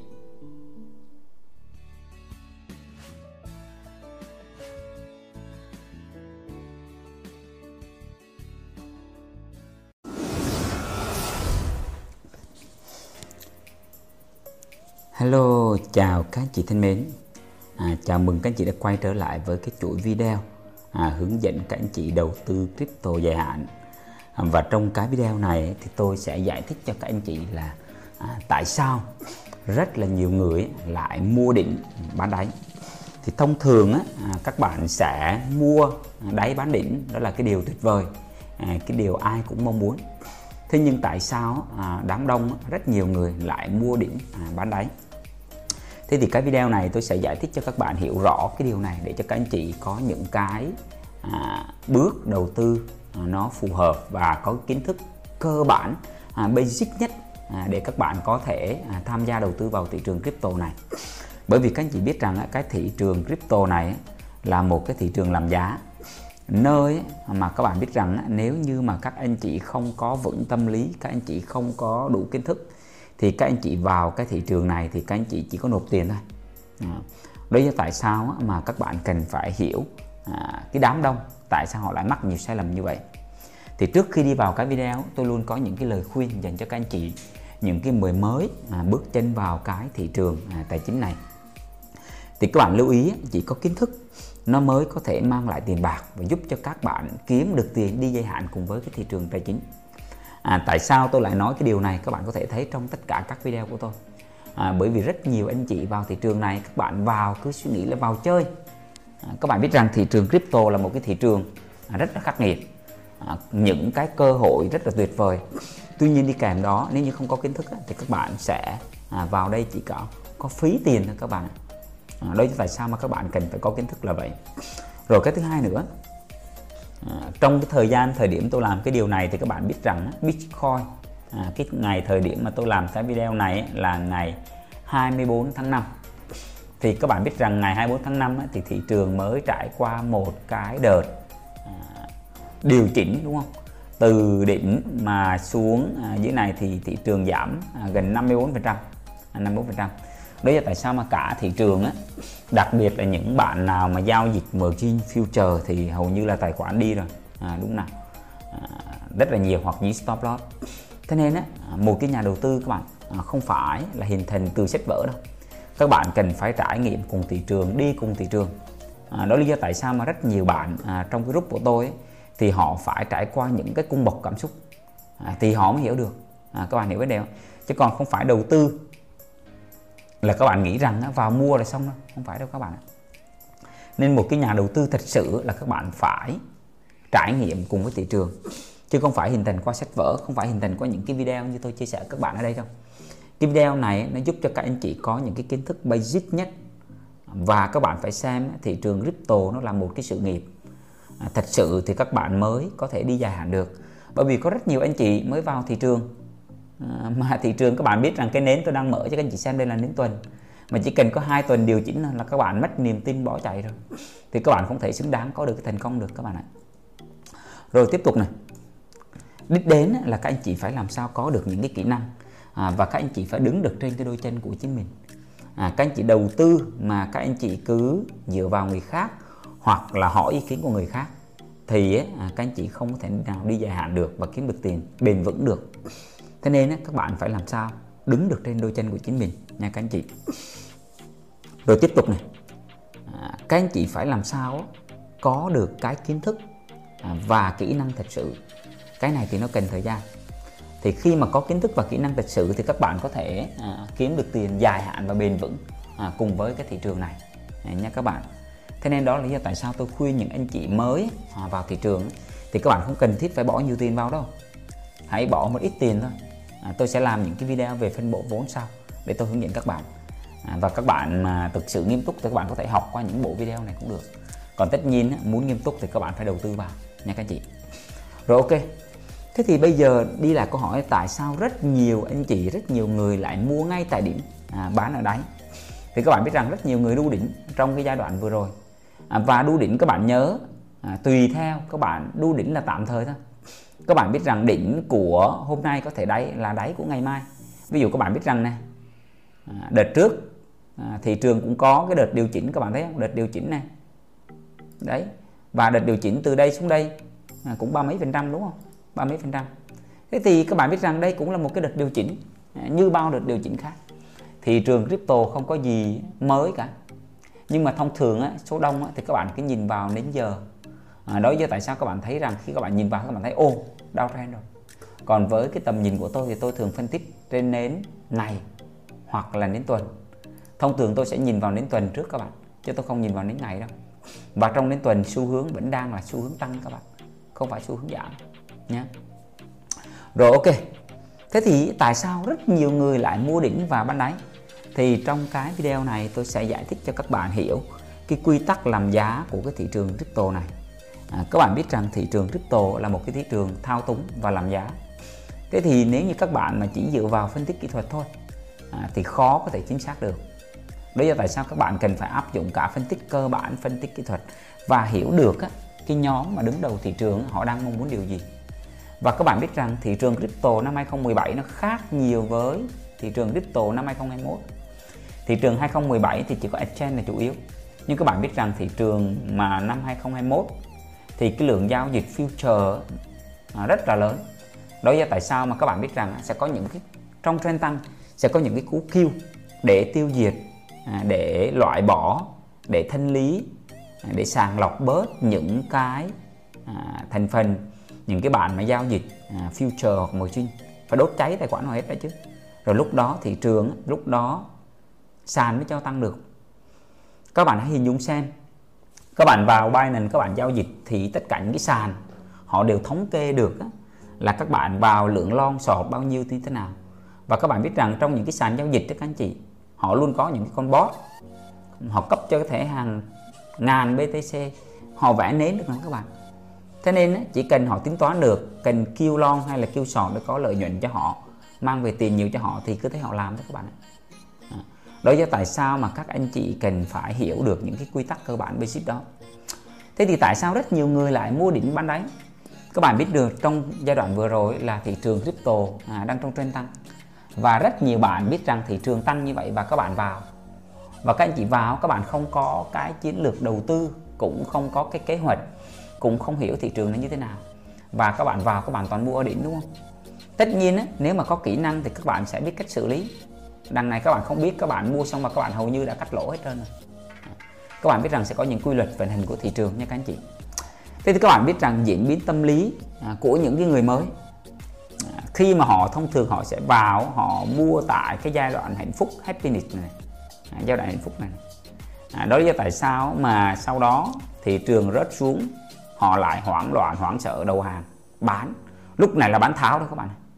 Đấy và các bạn thấy sau đó thị trường lại phục hồi lên lại và tạo thành một cái chu kỳ mới như thế này.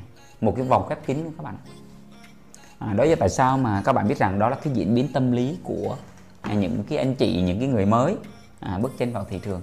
À, lúc này thấy thị trường phục hồi như thế này bắt đầu có dấu hiệu là tiếc nuối.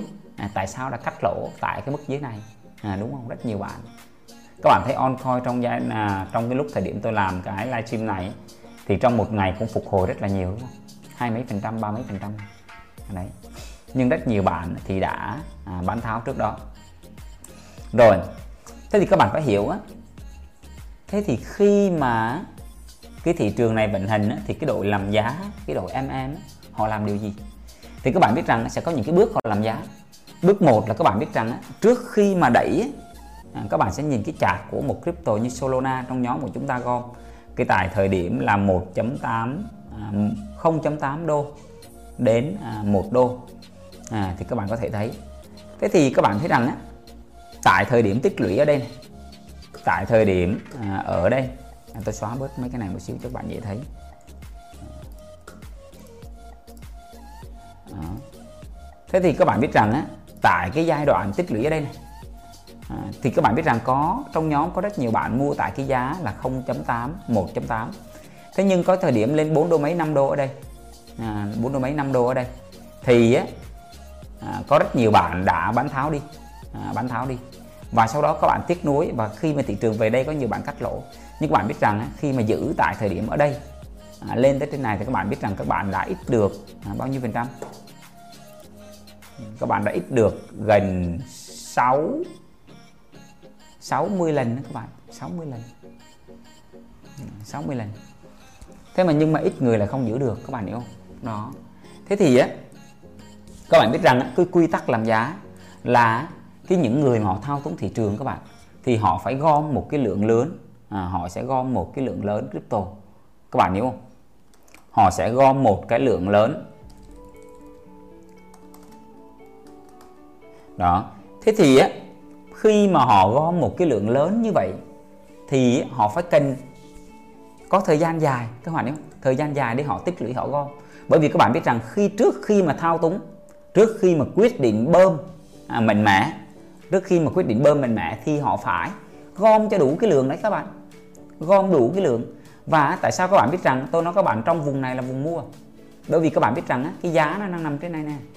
Thì cái vùng từ đây tới đây các bạn sẽ là vùng mua các bạn không thể nào mua ngay tại được đáy đâu các bạn. Các anh chị đừng có nghĩ rằng các bạn mua mua, mua ngay tại đáy. Thế nên các bạn phải biết làm sao á, à, các bạn phải biết làm sao là những cái à, nhóm họ thao túng thị trường họ phải cần một cái thời gian dài để gom. Bởi vì nếu như họ mua mạnh quá thì cái giá nó tăng lên mất tiêu. Họ cần phải gom từ từ từ từ ra những thông tin xấu để các bạn bán đi. Đó. Thế nên những người này họ phải gom đủ cái đó và các bạn biết nè đây là cái giai đoạn đó giai đoạn à, tích lũy để gom này. Đây là giai đoạn phân phối lúc này là họ bán này. này tôi sẽ nói rõ cái này sau. Thì các bạn biết rằng cái thời gian gom nó phải kéo dài. À, vì không thể là trong một sớm một chiều mà có thể gom được. À, các bạn biết rằng có rất nhiều người rất là kiên nhẫn. Họ đâu chịu bán đi đâu. Thì sao? Đầu tiên này gom gom này. Sau đó đẩy giá lên này. Và sau đó tiếp tục này. Dìm giá dìm dìm. Rồi một cái khoảng này các bạn biết cái khoảng này ấy, là đến tuần đó các anh chị. Và các bạn biết rằng từ đây tới đây các bạn đo sẽ được bao nhiêu ngày không? Từ đây tới đây là các bạn biết rằng đo là tới 112 ngày tức là khoảng tầm gần 4 tháng. Gần 4 tháng nhìn giá. Và cái sự kiên nhẫn của con người trong thị trường này nhiều bạn cứ cứ nói rằng là em sẽ kiên nhẫn. Nhưng tôi chia sẻ với các bạn luôn là nói bằng miệng thì dễ lắm các bạn. Phải đi cùng thị trường. À, bởi vì có rất nhiều bạn đã từng mua tại cái giá 1 đô này nhưng lên tới 4 đô thấy ít 4 là không bán. Xong về đây lại thấy về lại cái giá mua tiếc nuối chốt lỗ. Xong rồi bây giờ bay lên đây tiếc nuối. Thế thường thông thường con người ta họ sẽ mua khi mà thị trường tăng à, ngồi vậy đó. Còn trong lúc giai đoạn tích lũy thì họ không chịu họ gom tại cái giai đoạn tích lũy đi. À. thế nên á các bạn biết rằng để mà gom được thì họ phải gom trong một cái thời gian rất là dài chứ không thể một sớm một chiều được à, nha các bạn. Và đồng thời à, họ phải làm cho nhiều người nản bán đi. Thì các bạn biết rằng đó là tại sao mà họ tung ra rất nhiều những cái thông tin xấu à, về kinh tế về chính trị về thông tin của cái đồng coi à, làm cho những cái người mà nắm giữ hoảng loạn và bán đi. Đặc biệt như các bạn thấy đẹp vừa rồi có một cái câu chuyện của sushi à, là các bạn cần phải học hỏi đúng không? Đây à, sushi đó thì có một cái giai đoạn sushi bị thông tin xấu và các bạn biết rằng là họ thông à, đưa ra thông tin xấu và đẩy giá sushi từ giá 14 đô đỉnh các bạn. 15 đô mà về còn có 0.5 0.4 đô. À, 0.5 0.4 đô. Và sau đó kéo dài trong một cái thời gian khá dài một cái ngưỡng sideways rất là dài. Các bạn thấy này chính xác là từ đây đến đây. Thì khoảng kéo dài khoảng tầm á, là 102 ngày 3 tháng. Và sau đó các bạn biết rằng khi mà họ gom đủ số lượng họ đẩy lên tới trên này ít tới bao nhiêu lần? Ừ, ít tới 46 lần. 46 lần các bạn. Đó là tại sao các bạn phải hiểu cái thị trường này. À, và thông thường thì những thông tin xấu như vậy thì người ta bán đi. À, và các bạn thấy họ tung ra rất nhiều những cái thông tin xấu về kinh tế chính trị về thông tin của đồng coi rồi làm cho những người mà đang nắm giữ hoảng loạn và bán đi. Đây là cái cách. Rồi tiếp tục này hai cái lưu ý mà quan trọng ở đây các bạn cần phải hiểu rõ được á. À, các bạn lưu ý là những cái bước này thì họ làm rất là nhẹ nhàng để tránh cái việc là bị bán tháo ồ ạt. À, bởi vì á khi mà các bạn biết rằng khi mà bị bán tháo quá ồ ạt á, thì nó sẽ gây ra những cái nghi ngờ. Họ sẽ gom dần dần dần dần dần dần đã. À, các bạn hiểu không? Họ sẽ gom rất là nhỏ giọt ra những cái thông tin nhỏ giọt để người ta từ từ bán từ từ bán từ từ bán từ từ bán. Chứ còn nếu như á mà ồ ạt quá thì sau này làm tung ra những tin tốt hoặc làm giá lại rất là sấy là là khó khăn. Nên họ sẽ gom dần dần dần dần dần. Hoặc bởi vì mà ra tin á, mà lộ liễu quá thì có những người họ sẽ tin ý biết ngay. Nên những thông tin xấu từ từ từ từ từ từ đưa ra. Và cái việc mua vào của những người trong cuộc á, nó có thể đẩy giá tăng mạnh. À, thế nên đó là lý do tại sao mà họ phải mua từ từ. Dồn nén mua từ từ dồn nén dồn nén. Chứ còn nếu như mà mua gấp mua mạnh quá thì người bán họ bán ít mà người mua nhiều quá cái lực mua lớn quá thì các bạn biết rằng á, giá sẽ đẩy lên rất là mạnh. Thì trong lúc giai đoạn gom giai đoạn tích lũy này thì họ sẽ ra thông tin xấu đồng thời cứ gom rất là nhẹ nhàng. À, đối với tại sao các bạn thấy là những cái giai đoạn tích lũy nó rất là âm thầm? À, và thông thường người mà đầu tư vào thị trường crypto á, các bạn chỉ nhìn thấy khi cái thị trường tăng giá thôi mà các bạn không thấy cái giai đoạn crypto đó nó tích lũy trong một cái thời gian khá dài à, đúng nào. Và các bạn biết rằng có rất một số người họ vẫn tích cực họ nắm giữ. Thì các bạn biết rằng khi mà những cái người nào họ tích cực nắm giữ thì họ lại à, gọi là cái đội làm giá họ sẽ ra những cái thông tin xấu hơn. À, xấu hơn giống như ở đây. À, mặc dù ở đây là có rất nhiều người xuống đây họ vẫn chưa bán này. Thì lúc này cái đội làm giá họ sẽ phải đưa ra những cái thông tin cực xấu hơn nữa để làm sao rũ bỏ bớt những cái thành phần ở bên dưới này. Rũ bỏ bớt để cho người ta nản thật sự bán đi nữa. Các bạn hiểu vấn đề không đó lại tiếp tục ra những thông tin xấu để làm cho giá là giảm thêm giảm thêm nữa. Thì lúc này có rất nhiều người sợ hãi quá thì bán cái đồng coin của họ. Đó là tại sao các bạn thấy nè bitcoin tại thời điểm tôi làm cái video này ấy, là cái ngày à, à cái ngày à, 24 tháng 5 đúng không? 24 tháng 5 à, đó. Thì các bạn thấy rằng á chỉ trong vòng 2 tuần thôi thị trường nén. Và các bạn biết rằng dự đoán của tôi thì thị trường nó sẽ sideways trong một cái khoảng à, trong một cái khoảng. Chưa có vội tăng lên đâu. Phải sideways sideways sideways. Nhưng mà cái ngưỡng sideways các bạn sẽ nằm trong cái ngưỡng mà sao? Khoảng tầm 30k cái vùng cản 30k là một cái vùng cản các bạn thấy rằng rất là khó phá vỡ. À, các bạn có thể quan sát đến ngày. Các bạn thấy này nguyên một cái à, râu nến ở đây ở cái vùng khu vực này này rất là khó. Các bạn thấy giá đi xuống cái cái vùng này là bị đẩy lên xuống cái vùng này bị đẩy lên. Nên cái vùng 30k này này là một cái kháng cự một cái vùng kháng cự khá cứng. À, khá cứng. Các bạn có thể kéo ra. Một cái vùng rất là cứng. Phá vỡ vùng này thì rất là nguy hiểm. À, thì nếu mà phá vỡ vùng này thì phải đi xuống cái vùng thấp hơn nữa rồi. À, đúng không? Nhưng mà vùng này là một cái vùng á rất là cứng. Các bạn rất là cứng. Nhé rồi tiếp tục á. Lúc này nhiều người sợ hãi bán đi nè. Và các bạn biết rằng trong vài ngày vừa rồi thì nhiều người rơi rụng nhiều rồi đúng không? Đấy. Và cái việc này các bạn biết rằng là cứ lặp đi lặp lại nhiều lần cứ liên tục nhiều lần nhiều lần à, nhiều lần.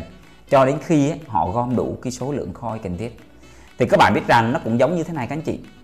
Là để mà bơm thổi thì họ phải cần các bạn hãy tưởng tượng crypto cũng giống như một cái kho lương thực. Thì những cái người đó họ sẽ gom đầy đủ cái kho của họ đó để họ đảm bảo rằng khi mà họ đẩy giá lên họ có đủ cái số lượng coi để họ bán. Chứ còn khi đẩy giá lên cao xong vừa đẩy lên xong bán hết mất tiêu rồi thì không có đủ để làm giá để thắng đúng không? Họ phải gom đủ cái số lượng. Ừ. Thì các bạn nhìn kỹ ở trong cái hình này. À, các bạn nhìn kỹ ở trong cái hình này. Khi chiến dịch bắt đầu thì bắt đầu họ đẩy giá xuống đẩy giá xuống. Và sao tiếp tục trong giai đoạn sideways này các bạn thấy này. Ở đây lúc mà đẩy giá thì volume giao dịch rất là là mạnh đúng không? Bán tháo bán tháo ồ ạt. Đó thì dìm xuống giai đoạn này rồi nè. Thì trong một cái ngưỡng này là giai đoạn tích lũy họ sẽ mua tại những vùng này mua mua. Cứ dìm giá xuống bắt đầu họ mua vào dìm xuống họ mua vào. Thì bằng chứng các bạn thấy tại những cái vùng dìm giá xuống này cái volume tăng rất là mạnh. Đó. Thì cái volume này á, với trong thị trường crypto các bạn cũng phải tinh tế các bạn quan sát. Bởi vì có rất nhiều crypto họ dùng bot. Thì cái này phải phụ thuộc vào cái kỹ năng. Các bạn mới à, xác định được. Và các bạn thấy khi mà kết thúc chiến dịch á, thì bắt đầu à, break out tức là phá vỡ cái vùng này. Đó phá vỡ cái vùng này. Thì á cái hình bên này là các bạn thấy là thể hiện được cái giai đoạn tích lũy lặp đi lặp lại trong cái vùng này. Đó. Thì các bạn vẽ đó các bạn có thể thấy nè. À, như Bitcoin cũng là một cái giai đoạn tích lũy trong một cái thời gian rất là dài đúng không? Và sau đó họ bơm lên. Đó. Giai đoạn này là giai đoạn tích lũy đó các bạn. Tích lũy trong một cái thời gian rất là dài này thấy không? Tương tự như Solana hoặc là hoặc là sushi tôi đã nói với các bạn đúng không? Thì các bạn có thể quan sát được các bạn có thể thấy. Đó, cái quan trọng là các bạn có bản lĩnh để mà gom nó được trong cái giai đoạn mà sideways không? Hãy nhìn cái vùng mua tốt các bạn. Đấy. Thị trường thì sẽ kéo dài liên tục làm cho những người không kiên nhẫn bán đi. À, cứ sideways như thế này những cái bạn mua mà cứ nhìn vào ô sao coi của người ta tăng giá nhiều thế? Coi của mình không tăng. Và các bạn bán các bạn đu vào những crypto mà đang tăng giá thế khi khi mà những crypto các bạn thấy những crypto nó đang tăng giá như thế này rồi các bạn đu vào thì chắc chắn nó sẽ phải có giảm điều chỉnh. Thì thông thường các bạn đu vào cái vùng này là nhiều này. Cái vùng này các bạn. À, đấy cái vùng này là nhiều. Nhiều bạn đu tại vùng này đó rồi á cái chiến dịch này nó sẽ kết thúc khi mà đã loại bỏ gần như hoàn toàn cái người bán và họ gom được hàng. Tức là chiến dịch xong. Khi mà chỉ khi họ đã gom đủ cái số lượng họ cần thiết. Các bạn à, nó sẽ giống như cái kiểu các bạn biết rằng á, tôi hay nói là cái thị trường tại sao phải có những cái đợt rung lắc. À, giống như cái việc mà rung lắc một cái cây vậy đó để cho trái nó rụng xuống bớt. À, các bạn mà còn cứng đến này nữa thì sao mà họ đẩy giá được? Phải rung phải làm những cái cú rung lắc như thế này để cho các bạn rơi rụng bớt đi rơi rụng bớt đi. À, các bạn thấy lên mà trên cộng đồng là các bạn thấy rằng là rất nhiều người đã tháo chạy bỏ chạy và nhiều người phân tích là lũng cái mây xanh này rồi ấy, thì bắt đầu thị trường đã hết cái uptrend rồi sẽ downtrend à, tôi nói các bạn không phải đâu. Các anh chị cần phải có kiến thức để hiểu về cái thị trường này. Đi dài hạn mới hiểu được cái việc làm giá của thị trường nha các bạn. À, và các bạn lưu ý này có rất nhiều người ấy, không chịu bán ra nhưng mà cuối cùng ấy, họ cũng bán ra sau nhiều cái sai lầm hoặc là cái nguồn vốn của họ không có khả năng chịu đựng thêm. Thì các bạn biết rằng có rất nhiều anh chị biết như vậy đấy nhưng mà rất nhiều bạn lại thích đảo coi. À, có rất nhiều bạn đảo. Đặc biệt các bạn biết rằng tại thời điểm mà à, tôi sẽ tắt những cái indicator để cho các bạn dễ dàng thấy hơn. À, các bạn biết rằng có rất nhiều anh chị trước đó à, đã từng mua Solana tại cái giá là 0.8 đô. Lúc thấy lên 1.3 đô bắt đầu đảo đảo nghĩ về đây ăn được một cái. Và sau đó tiếp tục à, lên tới chỗ 1.8 đô đảo để hy vọng nó sẽ về khoảng tầm mức này. Nhưng không về sau đó bay lên mất và các bạn bị các bạn bị mất cái số lượng coi. À, đúng không? Và sau đó những cái bạn mà đảo thì sau đó mà nhìn ở đây thì mới thấy rằng cái sự tiếc nuối. Ừ, sự tiếc nuối hụt hẫng đúng không? Ừ. cho nên có rất nhiều bạn là không muốn bán nhưng cuối cùng sau những cái sai lầm thì các bạn phải trả giá cho cái việc đó. Và nhiều bạn thì sử dụng nguồn vốn không có hợp lý. Để rồi các bạn cũng biết rằng là nắm giữ trong dài hạn sẽ thắng đấy nhưng cuối cùng các bạn phải bán ra vì không có khả năng chịu đựng thêm. À, chịu đựng thêm bởi vì các bạn phải bán trả nợ hoặc là các bạn phải à, gọi là à, không thể nào à, chịu đựng thêm được nữa các bạn bán đi. Đó là cái mà nhiều bạn đang bị trong thị trường này đúng nào? Nên các anh chị hãy nhớ cho tôi này. À, đầu tư trong thị trường này các bạn phải xác định nguồn vốn hợp lý phải xác định đi dài hạn cùng với thị trường này. Chứ đừng có à, gọi là vào ăn sổi thị trường những cái bạn đợt vừa rồi ấy, mua tại đỉnh bán đáy là những bạn vào ăn sổi à, tôi nói các bạn ấy, các anh chị mà mua Solana tại cái vùng tôi cho các bạn mua tại cái vùng á là từ 41 40 đô đến 50 đô á. Cái vùng này á sẽ sau này nó là sẽ là một cái đáy trong tương lai các bạn. À, Solana với cái hệ sinh thái của Solana cái việc mà Solana lên à, vài trăm đô là cái chuyện bình thường.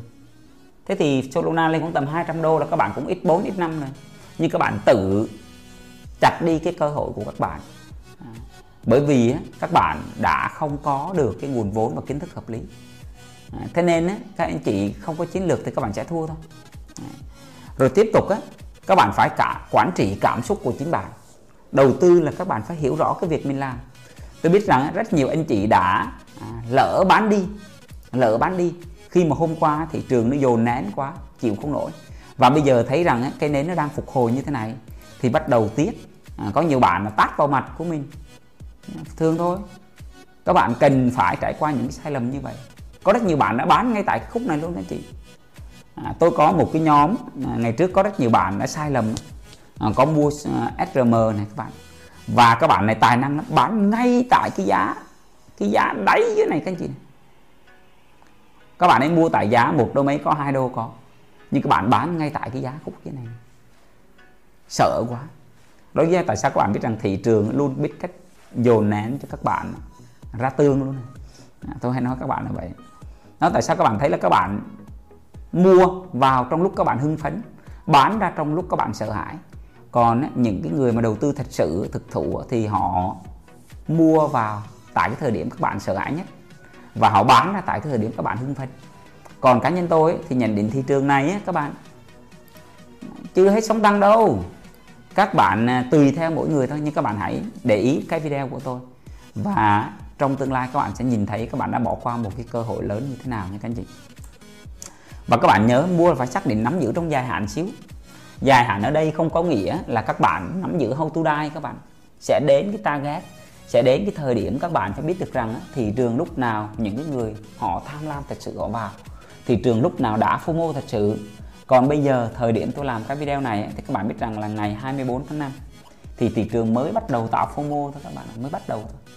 Và các anh chị biết rằng những cái nhóm mà thao túng thị trường, đứng đầu thị trường họ không có ờ, dễ dàng bỏ qua những cái cơ hội như thế này đâu các bạn ạ. Nhé Ok, thì các bạn nhớ đăng ký cái kênh YouTube thì có thể à, để theo dõi có nhiều cái video hơn. Thì các bạn biết rằng là tôi có một cái kênh YouTube À, có một cái kênh YouTube. À, thì các bạn có thể các bạn à, vào trong cái kênh YouTube này các bạn nhớ click vào nút đăng ký này. Thì trong này có rất nhiều những cái video. Các anh chị có thể à, cập nhật trong này. Thì những video trong nhân chất phát thì sẽ có về livestream có rất là nhiều thứ.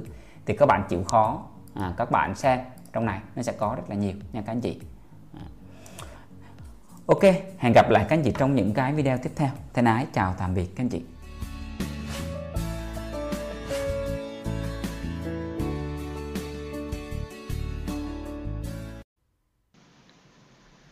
Làm thế nào để mua ở đáy và bán ở đỉnh?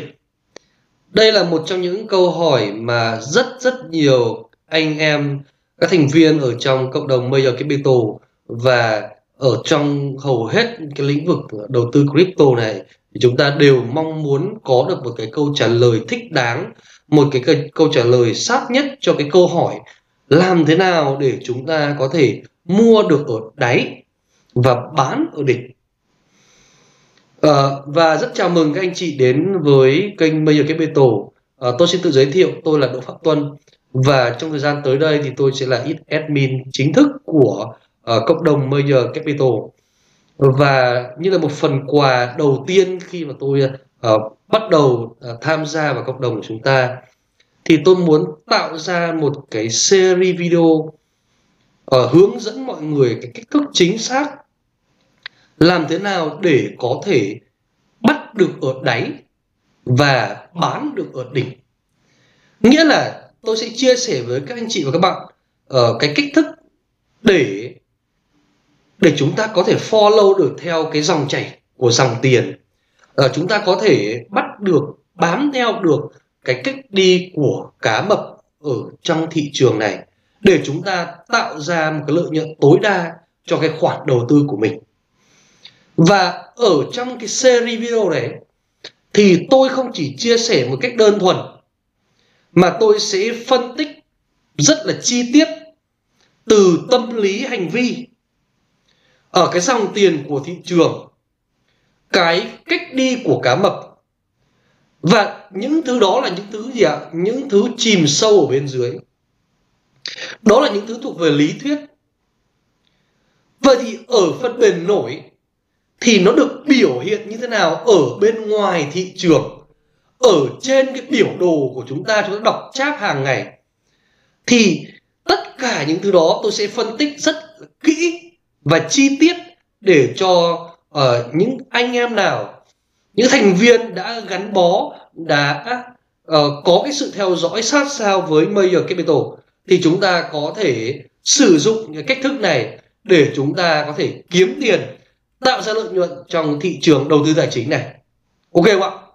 À, nếu như mà trong cái quá trình mà tôi chia sẻ như này uh, mọi người thấy nó gặp vấn đề ở đâu không hiểu đâu mọi người có thể comment ở phần bên dưới video hoặc là join trực tiếp vào các channel của cộng đồng của Major Capital để tôi có thể chia sẻ với các bạn giải đáp cho các bạn. Hoặc nếu như các bạn thấy rằng là cái video này hay nó giá trị thì các bạn uh, có thể là bấm like, share, comment để ủng hộ cho đội ngũ uh, cho chính tôi có thể tiếp tục phát triển tiếp tục ra thêm những cái video uh, tuyệt vời hơn nữa để phục vụ cho mọi người. Ok không ạ? Như vậy thì là rất fair đúng không ok.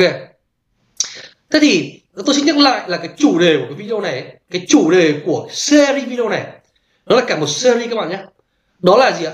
Cái cách thức làm thế nào để ở chúng ta có thể mua được ở đáy và bán ở đỉnh.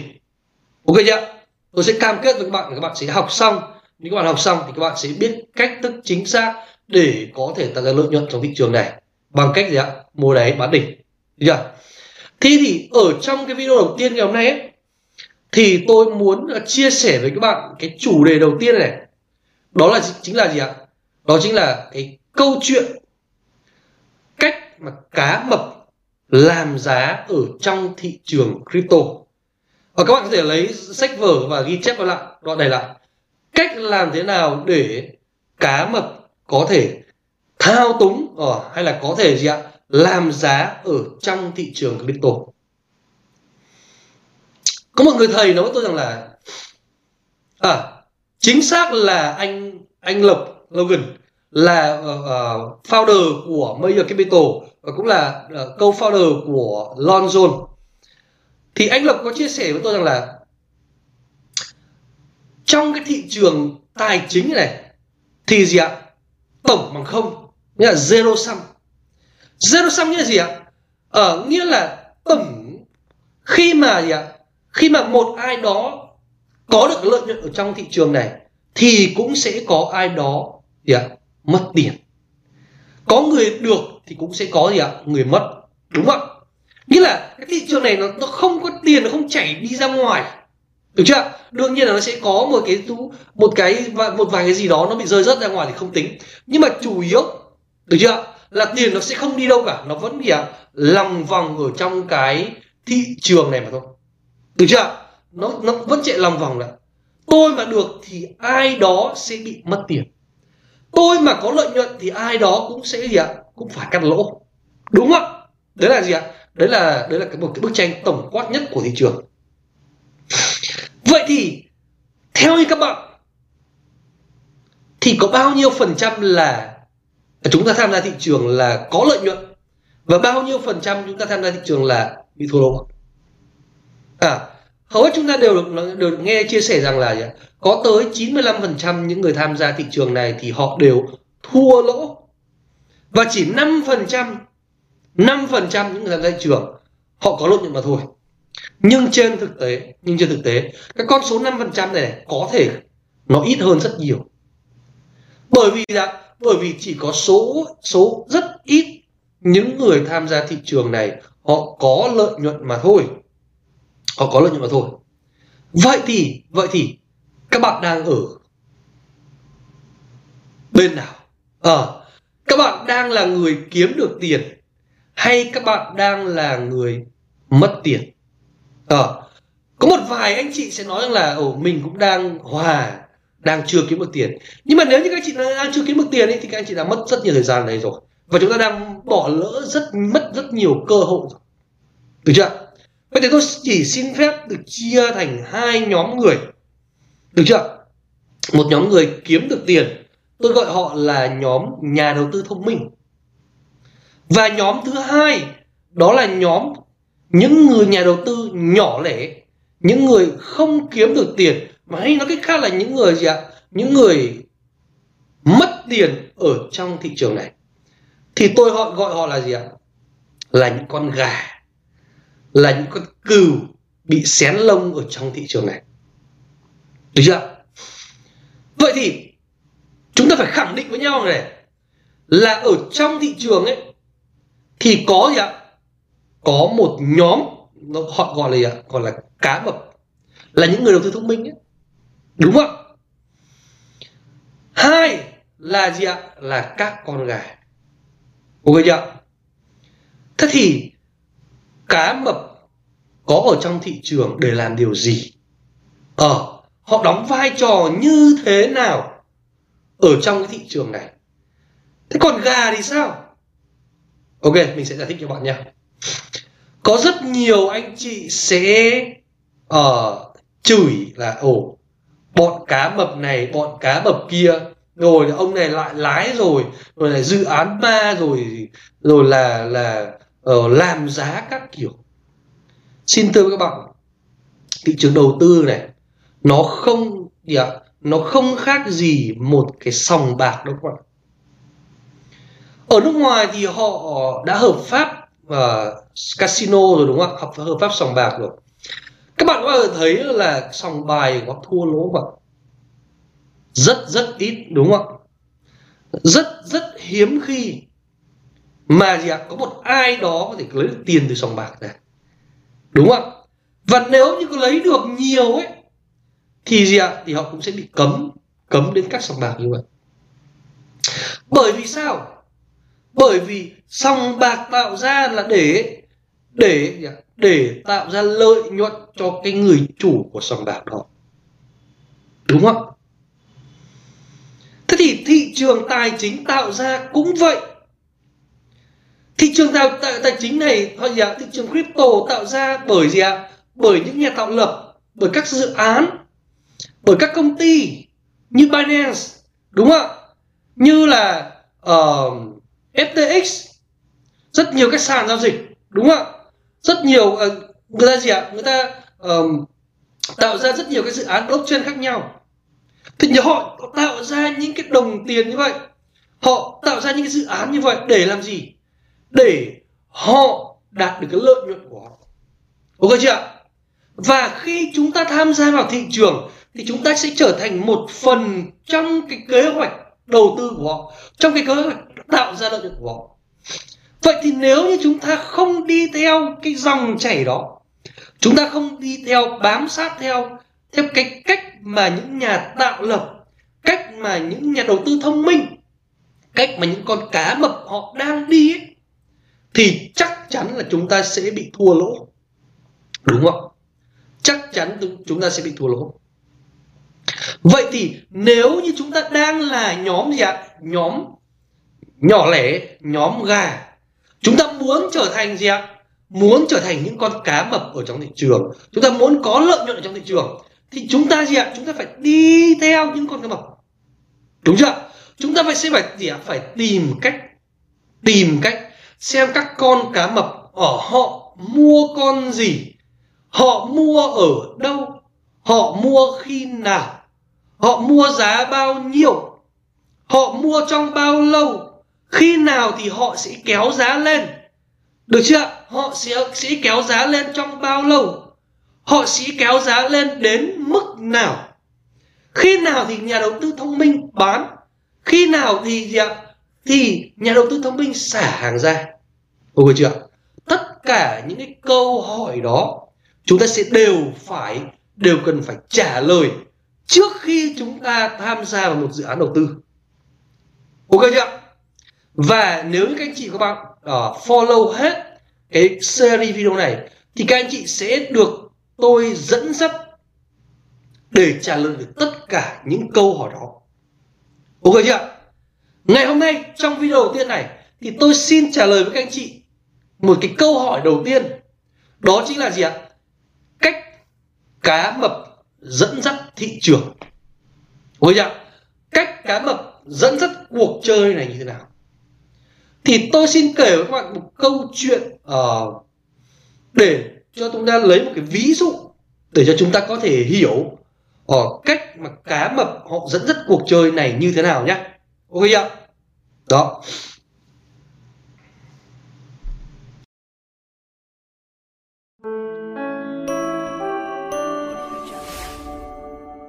Phân bổ vốn quản lý vốn. Hello xin chào các bạn, à, chào mừng các bạn quay trở lại với channel của Major Capital. Và ngày hôm nay thì Đỗ Phạm Tuân sẽ chia sẻ với các anh chị và các bạn uh, Những anh chị mới chúng ta khi tham gia vào thị trường đầu tư crypto này. Thì chúng ta sẽ quản lý và phân bổ vốn như thế nào cho hiệu quả? Điều đầu tiên thì tôi muốn khẳng định với anh chị rằng là gì ạ? Trong cái thị trường đầu tư này 80% cái uh, chiến thắng của chúng ta nó được quyết định bởi tâm lý và chỉ có số nhỏ còn lại là 20% nó đến từ phương pháp đầu tư mà thôi. Vậy thì nếu như chúng ta muốn chiến thắng ấy chúng ta hãy cứ hãy tìm cách để kiểm soát cái 80% tâm lý trước.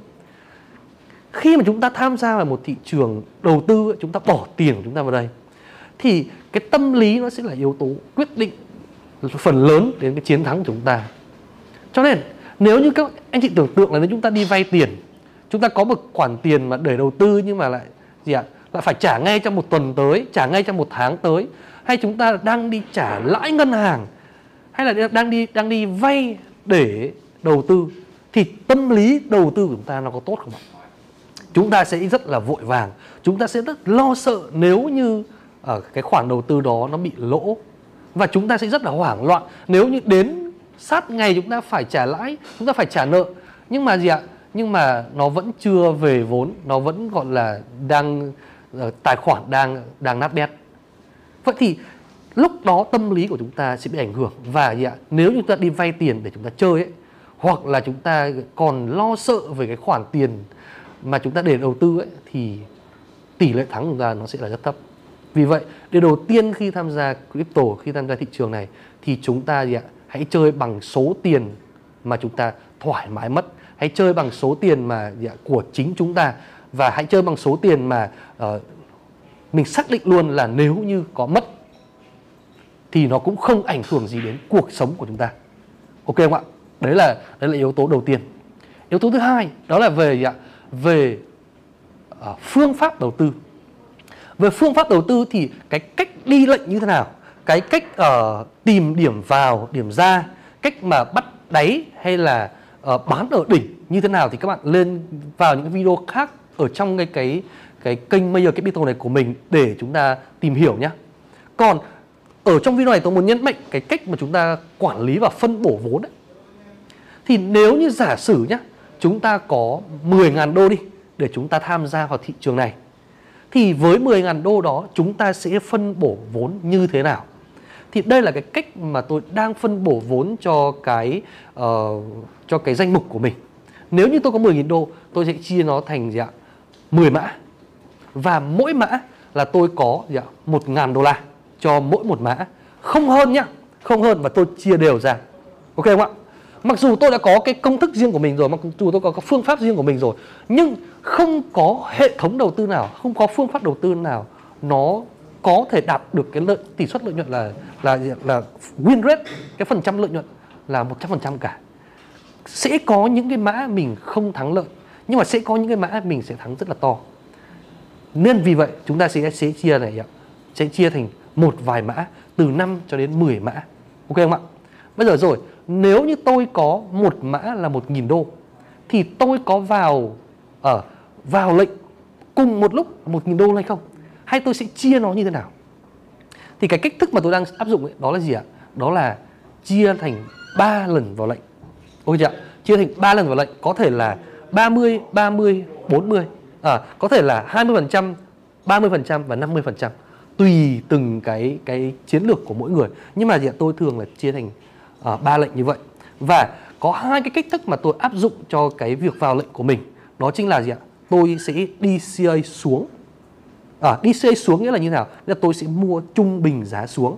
Việc đầu tiên là tôi ngày hôm nay ví dụ con Rofi nó đang ở khoảng giá là 13 đô cho một Rofi chẳng hạn.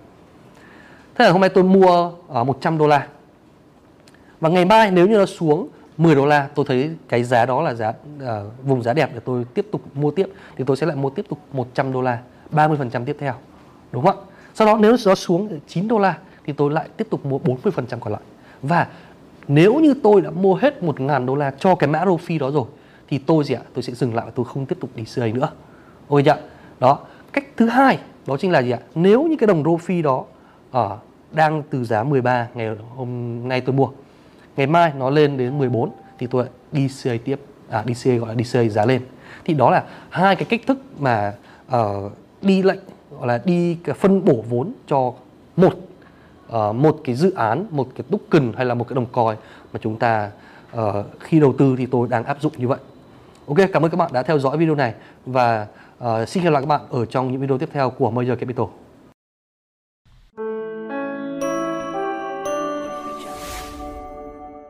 Cách tính toán điểm chốt lời. Hầu hết chúng ta khi tham gia thị trường đầu tư tài chính này thì chúng ta rất quan tâm đến cái việc là khi nào thì chúng ta chốt lời? Chúng ta chốt lời ở đâu? Nếu x5 x10 x100 thì chúng ta sẽ chốt bao nhiêu? Hay là khi mà x2 rồi thì chúng ta có chốt gốc để lãi chạy hay không? Thì cái câu hỏi này và cái cái lời giải đáp này thì nó rất vô cùng và nó tùy vào tình trạng tài chính của mỗi người, tùy vào sự hiểu biết của mỗi người về một cái dự án, một cái đồng coin nào đó thì ở trong video này thì mình sẽ chia sẻ với mọi người về cái cách thức ờ, cái góc nhìn của mình về cái cách làm thế nào để mình tính được cái điểm target và mình sẽ chốt lời như thế nào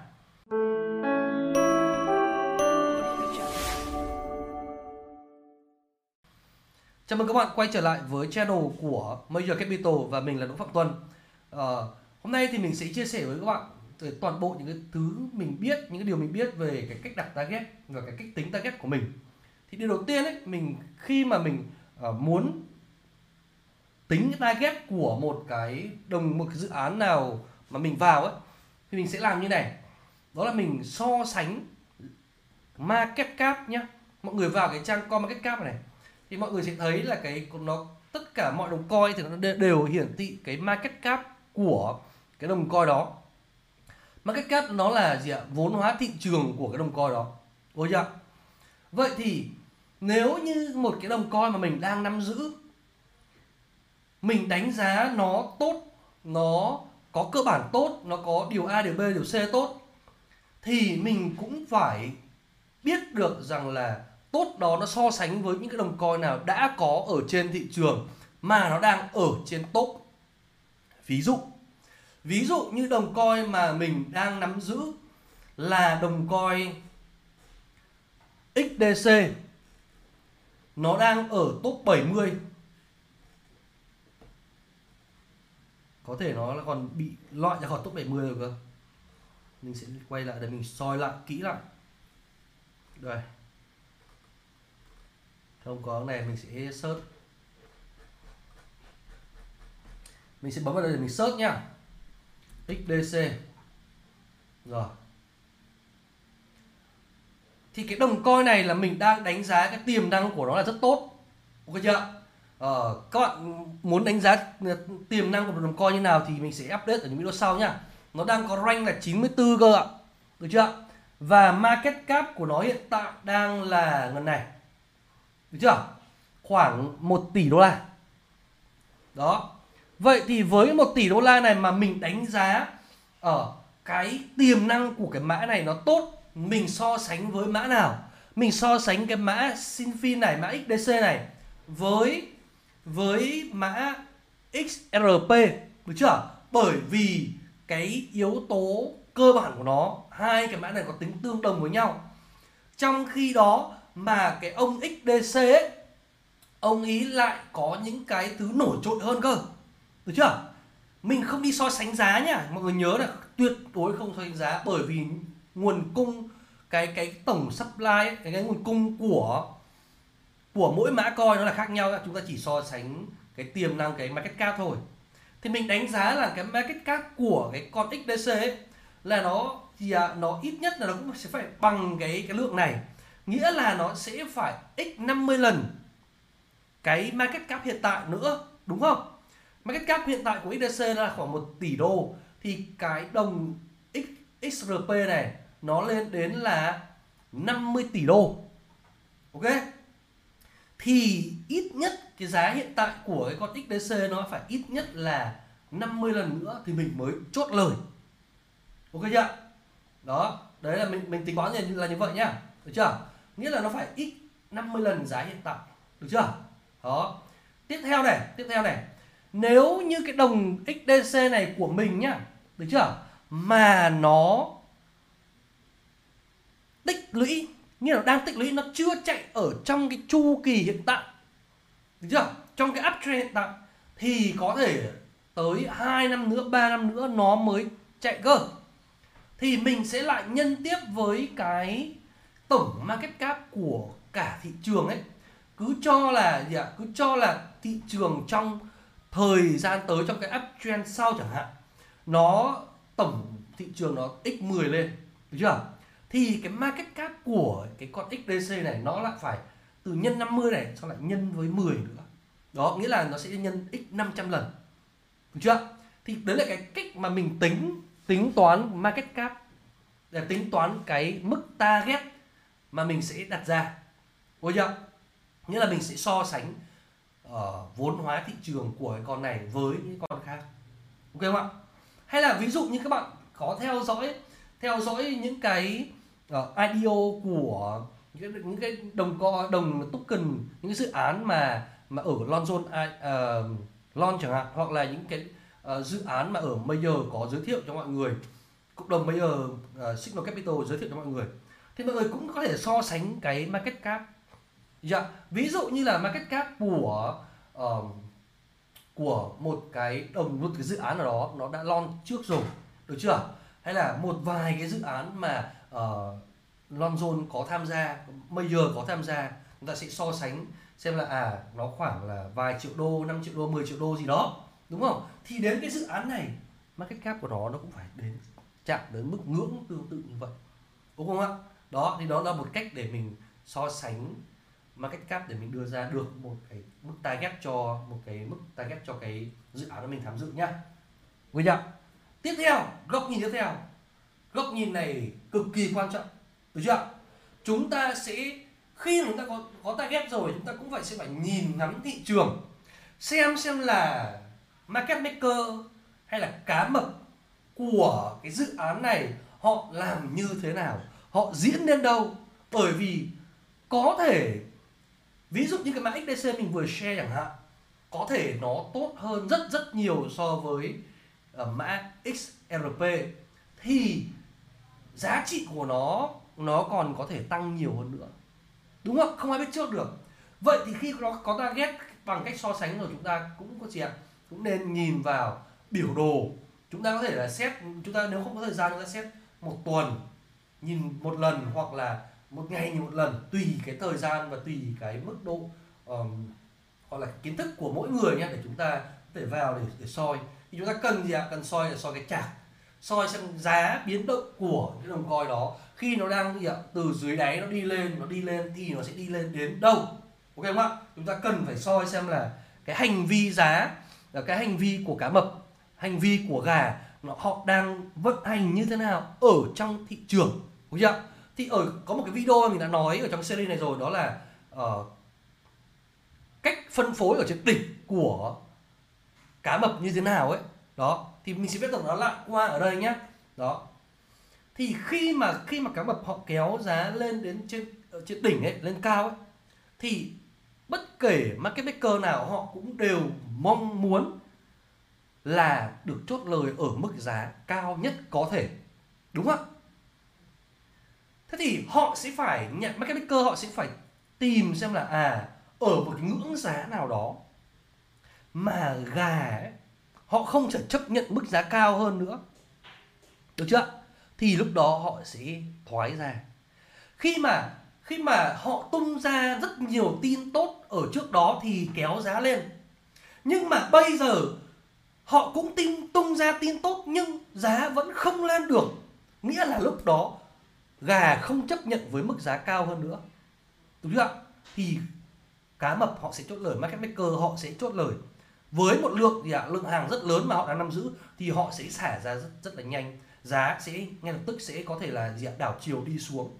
Được chưa đang đi lên đẹp, đang đi lên đẹp. Giá tăng mạnh và khối lượng giao dịch cũng tăng theo. Nhưng nhưng đến một cái thời điểm gì ạ, giá giảm mạnh và khối lượng cũng gì ạ, cũng cũng giảm mạnh thì uh, khối lượng giảm thì nhiều điều chứng tỏ là cung của thị trường rất lớn mà không có cầu cầu thì rất yếu so với cung. Đó thì điều đó chứng tỏ là gì ạ? Lúc đó là thời điểm chúng ta chốt lời rồi. Ok không ạ? Đó. Và và ngoài ra ngoài ra thì chúng ta cũng phải xem xét thêm một yếu tố nữa đó chính là gì ạ? Đó chính là cái bản thân chúng ta. Ở à, chúng ta mong muốn target ở điểm nào? Đạt cái target của chúng ta ở thời điểm nào thì chúng ta nên chốt lời. Ví dụ cái mã này chúng ta x10 rồi chúng ta sẽ chốt lời. Ví dụ cái mã này nó giúp chúng ta đạt được ờ, uh, 10.000 đô 100.000 đô rồi chúng ta nên chốt lời. Hoặc hoặc là nếu như cái mã này mà nó gì ạ chúng ta hoặc là chúng ta đang có một cái mã nào mới rất tiềm năng chúng ta tìm được một cái mã mới rất tiềm năng thì uh, cái mã này nó mình đã có gốc rồi chốt chốt gốc rồi thì mình cũng à, đủ để chốt gốc rồi thì mình chốt gốc ra để mình đánh sang một cái mã khác đúng không thì đấy là cái cách thức mà mình ờ, chốt lời ở thời điểm hiện tại. Mình áp dụng ba cái thứ ờ, mà mình sẽ chốt lời. Thứ nhất đó là so sánh cáp để mình biết được tiềm năng của cái mã mà mình đang giữ nó sẽ đi đến đâu. Thứ hai đó là mình sẽ nhìn vào cái hành vi giá của cá mập. Đó hành vi hành vi giá à, hành vi của cá mập ở trên thị trường như thế nào để mình uh, liệu cơm gắp mắm mình uh, chốt lời hay là mình sẽ Ờ, nuôi à, hay là, hay là mình sẽ cắt lỗ đó. Và cái tiếp theo nữa đấy là gì chốt lời theo cái target của mình. Ok không ạ? Thì đó là những gì mình muốn chia sẻ với các bạn ở trong video hôm nay. À, nếu các bạn không hiểu ở đâu hay là các bạn thấy còn thắc mắc ở đâu các bạn muốn mình phân tích cái mã nào thì các bạn uh, comment ở bên dưới video giúp mình nhá. Ok xin chào và hẹn gặp lại.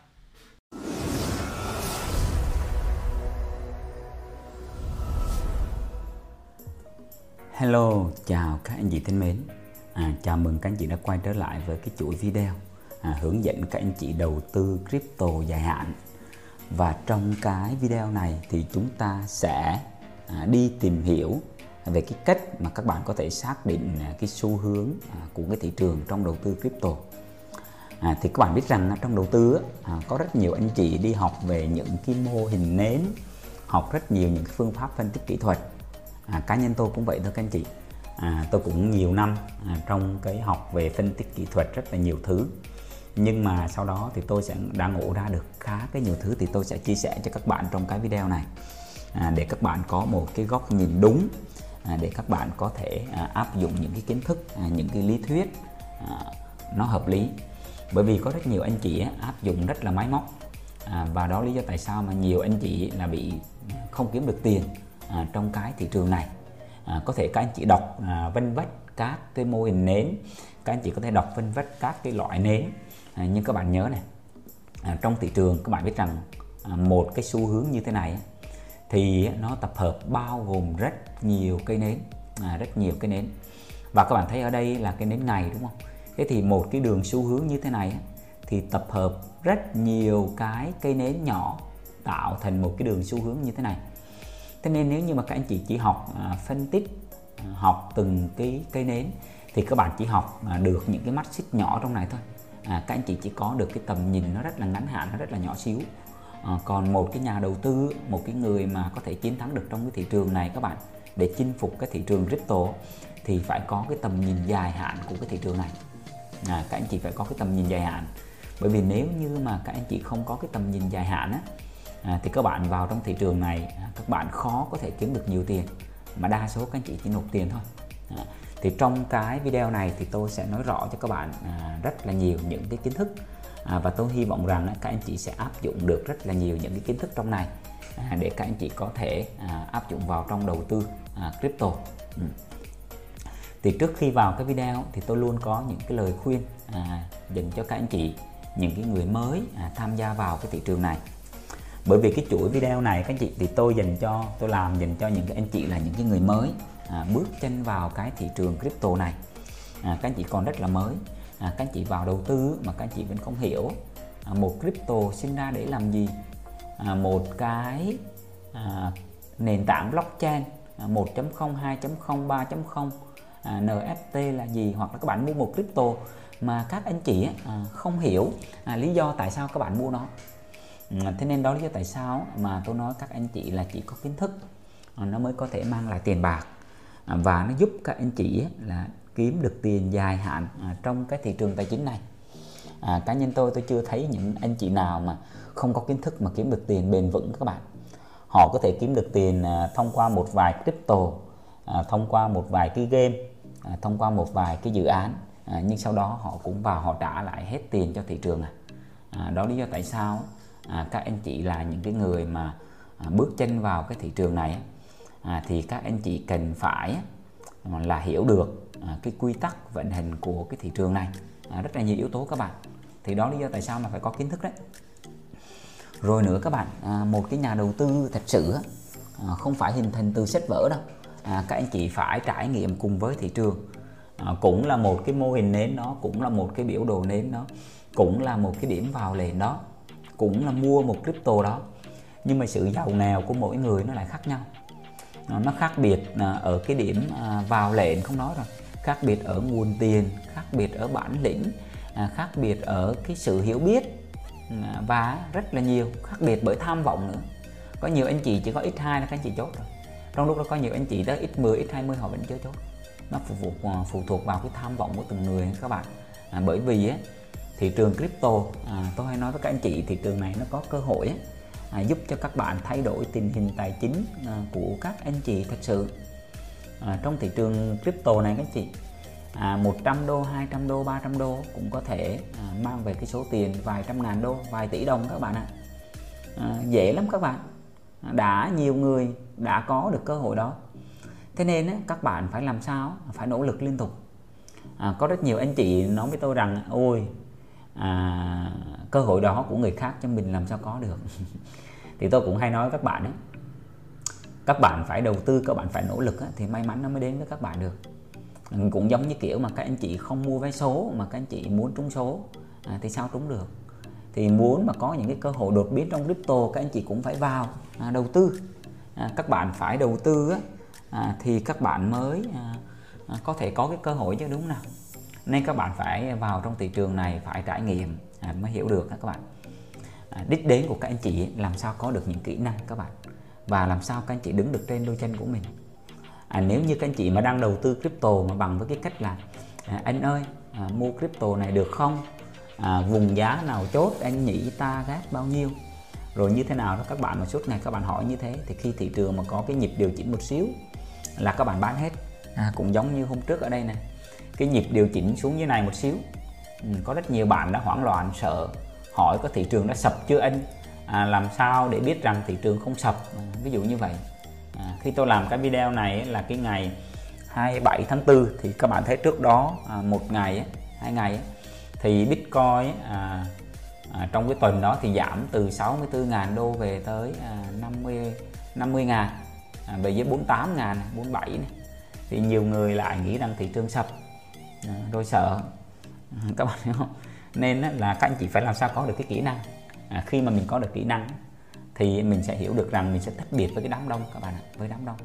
Đám đông họ sợ à, thì mình phải làm sao tỉnh táo mình biết cách xử lý và mình đứng tách biệt với đám đông các bạn ạ. Rồi khi mà các anh chị có được cái kiến thức và kỹ năng thì các anh chị hoàn toàn có thể kiếm được tiền dài hạn và bền vững từ cái thị trường crypto này các bạn. À, các bạn có thể kiếm được dài hạn và bền vững mà các bạn không cần phải lo lắng đó là tại sao mà tôi khuyên những cái bạn mà đầu tư crypto thì các bạn phải dành thời gian để hiểu thật sự. Hoặc nếu như các anh chị mà không có thời gian thì các anh chị mà mà mà mà muốn đầu tư thì phải tìm đúng cái người ấy, họ có thể cố vấn cho các bạn. À, cho các bạn. Chứ còn không thôi thì các bạn à, dễ bị à, dễ bị gọi là dẫn mũi này à, dễ bị mất tiền đó. À, tôi thấy rất nhiều những cái nhóm crypto à, xin phép tôi không nhắc tên các bạn à, các anh chị vào đầu tư rồi họ phải yêu cầu các bạn phải mua cái gói đầu tư này gói đầu tư kia. Thì cái điều này nó rất là vô lý. À, quy tắc của đầu tư các bạn là tiền là các anh chị phải à, nắm giữ. À, các bạn không có giao tiền cho bất kỳ à, ai giữ cả. Nhưng khi các bạn đầu tư mà các bạn đưa tiền cho người khác nắm giữ là các bạn đã sai ngay quy tắc đầu tư các anh chị ok cái đó thì những cái đó thì tôi sẽ nói ở cái bộ video sau. À, khi các bạn mà xem cái bộ video này xong á, thì tôi nghĩ rằng các anh chị đã trang bị được những kiến thức và các anh chị mà à, gọi là muốn mất tiền cũng khó các bạn trừ khi các anh chị muốn mất thôi. Chứ còn mà các chị làm đúng thì không thể nào mất tiền là không thể nào đầu tư mà thua được các bạn nhé rồi ok à, chúng ta sẽ đi vào cái video à, xác định cái xu hướng à, trong đầu tư crypto. À, thì á, à, trong này tôi cũng có rất là nhiều những cái video trước đó nói về những cái mô hình nến cơ bản này, à, xác định về đầu tư này thì các anh chị á, à, có thể à, vào cái kênh hoặc các anh chị nhớ đăng ký cái quả chuông này này click vào đây để mà khi có những cái video mới ra nó sẽ thông báo cho các bạn à, để các bạn á, à, vào các anh chị xem à, các anh chị xem à, để nắm được những cái kiến thức nha các anh chị. Cái chuỗi video này thì nó sẽ rất là dài đấy dự tính cũng phải vài chục cái video à, các bạn. Rồi ok à, chúng ta sẽ quay lại xác định cái xu hướng trong đầu tư crypto. Thì các bạn à, đây là một cái à, mấu chốt rất là quan trọng à, mà các anh chị cần nắm. Bởi vì tôi à, tôi đã đi rất nhiều à, những cái nhóm và tôi thấy rằng các bạn tập trung sai hết à, cái mục tiêu các bạn và các bạn tập trung sai hết những cái kiến thức cơ bản basic ngay từ đầu à, ngay từ đầu. Và các bạn tập trung vào những cái tiểu tiết à, nhưng mà các bạn không chịu tập trung vào một cái tầm nhìn lớn tầm nhìn dài hạn à, nếu như các anh chị tập trung vào cái tầm nhìn lớn tầm nhìn dài hạn thì các anh chị sẽ thắng trong cái cuộc chiến. Còn nếu như các anh chị mà chỉ nhìn vào những cái à, ngắn hạn hoặc là những cái tiểu tiết nhỏ à, thì các bạn sẽ thấy rằng các bạn sẽ sai. Và các bạn à, tôi hay nói với các anh chị đó nếu như các bạn làm à, đúng thì làm chậm nó sẽ thành nhanh. Còn nếu như mà các bạn làm sai thì các bạn đi nhanh sẽ thành chậm à, đối với tại sao mà nhiều anh chị mà vào thị trường này muốn làm giàu nhanh? À, các bạn chưa có cái kỹ năng thật sự mà các bạn vào giao dịch margin future tận dụng đòn bẩy. À, thì các bạn thấy là cái tài khoản của các bạn về zero rất là mau. À, còn những cái người khác á, họ làm chậm thì bây giờ tài khoản họ x10 x20 rất là bình an rất là thoải mái. À, thế nên sẽ có những cái cách. Thì các bạn lưu ý này. À, các cái dấu hiệu để vào lệnh trong cái phân tích kỹ thuật á, thì các bạn biết rằng trong phân tích kỹ thuật á, thì đầu tiên á, à, để chiến thắng các bạn các bạn phải làm sao xác định được cái xu hướng. À, xu hướng là một cái thứ rất là quan trọng. Nếu như các bạn mà không xác định được xu hướng thì các bạn thua ngay từ đầu các bạn. Dạ. Để mà có thể nhìn được xu hướng thì các bạn phải làm sao mở được cái chặt tuần à, tháng là các bạn xem. À, các bạn hiểu không? Mở được cái chặt tuần hay là cái chặt tháng là các bạn xem. Còn nếu như các anh chị mà không mở được cái chặt tuần và chặt tháng là các bạn xem thì các bạn đã thua cuộc à, thua cuộc. Ví dụ các bạn thấy ở đây này thị trường à, crypto này à, các bạn thấy ở đây là cái chart của bitcoin và các bạn đang quan sát theo cái chart tháng. Thì khi mà các bạn quan sát theo cái chart tháng thì các bạn thấy rằng này tăng giảm tăng giảm và tăng. Thấy rất là dễ dàng đúng không các bạn bật qua cái chart quýt à, bật qua chart quýt thì các bạn thấy à, nó sẽ bắt đầu nhiễu hơn một xíu nhiễu hơn một xíu nhưng các bạn vẫn thấy được cái xu hướng à, của cái thị trường đúng nào thấy được cái xu hướng của thị trường.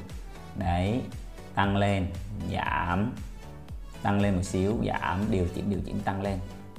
Đó, tăng lên đó. Rồi tiếp tục á, các bạn bật qua cái chặt ngày. À, bật qua chặt ngày. Thì lúc này á, bật qua cái chặt ngày là các anh chị cũng bắt đầu thấy cái sự nhiễu loạn nó nhiều hơn rồi đó xu hướng ví dụ ở đây chúng ta vẫn còn thấy rõ cái xu hướng. À, tăng lên một xíu rồi giảm này. Tăng một xíu giảm điều chỉnh giảm rồi đó đó đó đó điều chỉnh giảm. Rồi sau đó các bạn thấy này. Cũng có à, tăng lên rồi điều chỉnh giảm tăng lên điều chỉnh giảm tăng lên điều chỉnh tăng lên điều chỉnh giảm. Thì lúc này các bạn thấy là nó đã bắt đầu có cái sự nhiễu rồi. À, đó. Rồi á đến tiếp tục này các bạn bật qua cái nến 4 giờ. À, 4 giờ. Thì lúc này các anh chị thấy là bắt đầu rối rồi đấy. À, bật cái nến 4 giờ là bắt đầu thấy rối rồi thấy thị trường nhiễu quá thấy nhiễu quá. Thấy rất là nhiễu. Nhưng mà rất nhiều bạn là đang vào trong cái thị trường crypto này. À, các bạn chỉ tầm nhìn theo đến giờ thôi thì các bạn thấy các bạn thấy được cái gì trong này? À, các bạn không thấy được gì cả. À, nên á, đó do tại sao mà nhiều bạn lại giao dịch với cái mô hình nến 30 phút nữa rồi các bạn lại đi ra vẽ hỗ trợ kháng cự nó không có ý nghĩa các bạn. À, các bạn thấy này, trong này mà các bạn vẽ hỗ trợ kháng cự thì các anh chị thấy là các bạn có thấy gì không? Thấy gì không? Trong cái vùng rất là nhỏ và rất là dễ bị thủng. Đó do tại sao mà các bạn giao dịch trong những cái vùng á, mà mà mà ờ, hỗ trợ kháng cự à, hoặc là những cái vùng mà nó nó nó, nó cái khung thời gian nó nhỏ thì các bạn rất là dễ thua. À, rất là dễ thua bởi vì cái thị trường nó không nhiễu loạn lúc này các bạn không thể nào thấy được cái xu hướng nữa. Các bạn lạc trong cái ma trận thế nên á, quay trở lại các anh chị. Đối với tại sao các bạn thấy này giống như bitcoin à, nếu như các anh chị mà mua nó tại giá tôi cho ví dụ các bạn mua tại cái vùng giá này đi. Đây cái vùng giá này đi. Từ 7.000 đô à, 6.000 đô cho đến 13.000 đô các anh chị cứ mua tại cái vùng giá này các anh chị cứ ngồi yên tới bây giờ thì các bạn đã tăng tài khoản x3 x4 x5 đúng không thế nên á các bạn thấy là khi mà các bạn dung ra trong cái vùng giá này các bạn thấy là cũng rất là nhiễu loạn này. À, đúng không à, à, trong cái nhiễu loạn này à. đó đó lý do tại sao à, tại sao mà các anh chị à, các anh chị phải làm sao có cái tầm nhìn như vậy ừ. thì để mà đầu tư thành công các anh chị đầu tiên các bạn phải xác định được cái xu hướng cái xu hướng là thứ rất quan trọng à, xác định xu hướng. Nếu như à, các bạn xác định đúng cái xu hướng thì cái điểm vào lệnh à, bất cứ cái điểm nào trong này nó không có ý nghĩa lắm đâu các bạn. Các bạn có thể vào lệnh tại cái vùng này. À, vùng này. Các bạn cũng thắng. Các bạn vào lệnh tại cái vùng này các bạn cũng thắng. Các bạn vào lệnh trong bất kỳ cái à, biểu đồ nào bất kỳ ở đây à, thì các anh chị đều thắng cả đều thắng cả. Các bạn hiểu không? À, thế nên đó lý do tại sao mà tôi nói với các bạn rằng á, là cái việc mà xác định cái xu hướng nó rất là quan trọng. À, nó rất là quan trọng nha các bạn. À, nhé. Rồi tiếp tục này. À, à tiếp tục nữa các bạn. À.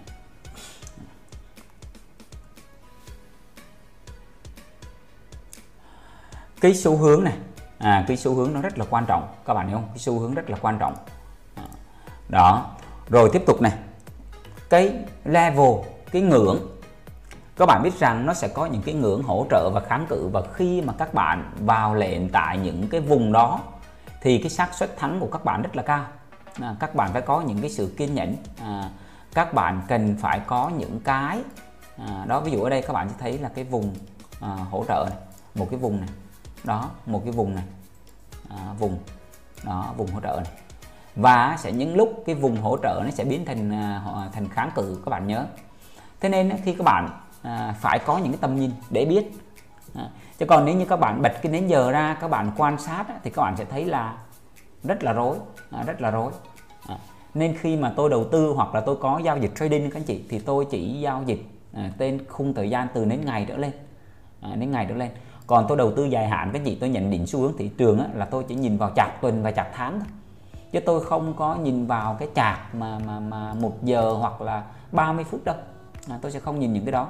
Đó do tại sao mà cái nhóm đầu tư của chúng tôi ấy, là các bạn ấy đầu tư à, đi dài hạn với cái thị trường. Và à, các bạn biết rằng á, là họ rất là happy trong này.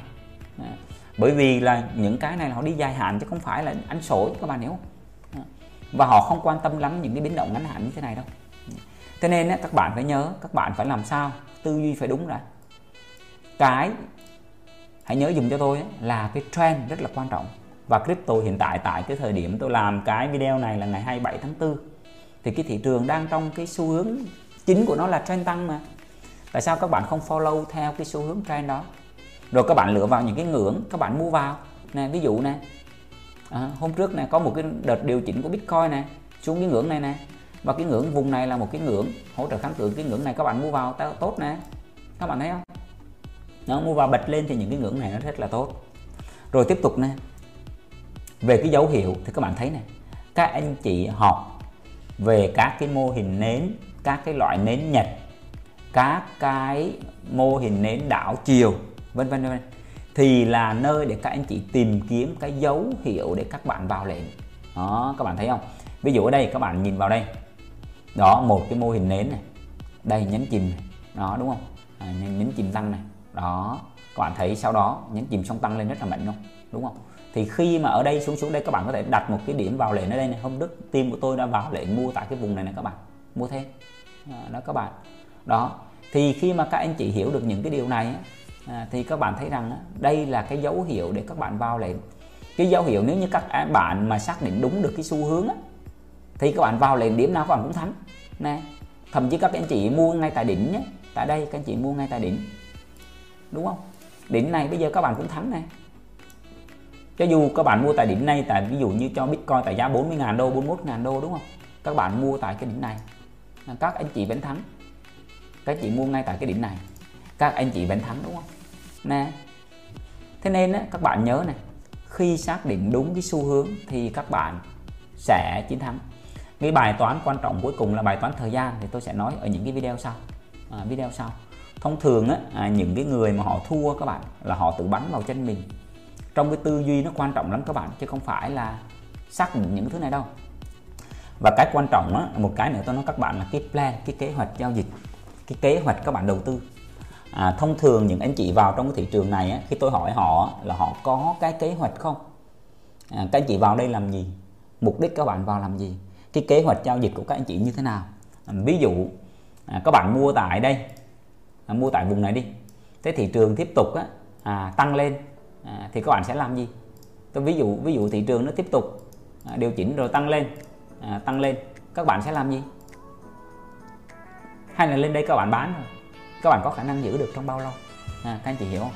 Thế nên cái tư duy á, nó giúp các bạn chiến thắng chứ không phải là là, là cái việc mà các bạn chọn những cái vùng nào đâu. À, thì tất nhiên trong cái video này tôi nói tư duy xong thì bây giờ chúng ta sẽ đi vào á, hiểu. À, thế thì á, cái xu hướng là cái gì?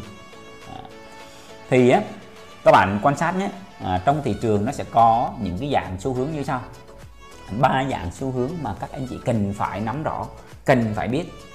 Thì cái xu hướng tăng các bạn thì được hình thành khi có cái đỉnh sau. À, cao hơn đỉnh trước. À, đáy sau. À, cao hơn đáy trước. Thì các bạn nhìn quan sát trên cái biểu đồ này thông thường khi mà các anh chị mà mở ra xem xu hướng thì các anh chị nên à, mở cái chart à, ngày hoặc là chart tuần. Thì các anh chị sẽ thấy được cái xu hướng rõ ràng nhất. À, tôi ví dụ này. Ví dụ ở đây là cái chart của Bitcoin. À, Bitcoin. Thì các bạn thấy là cái xu hướng tăng này. Đó cái xu hướng tăng này. Các bạn có thấy ở đây có những cái đáy cái đỉnh rất là rõ ràng này. Đó. Nhé tôi sẽ vòng cho các bạn.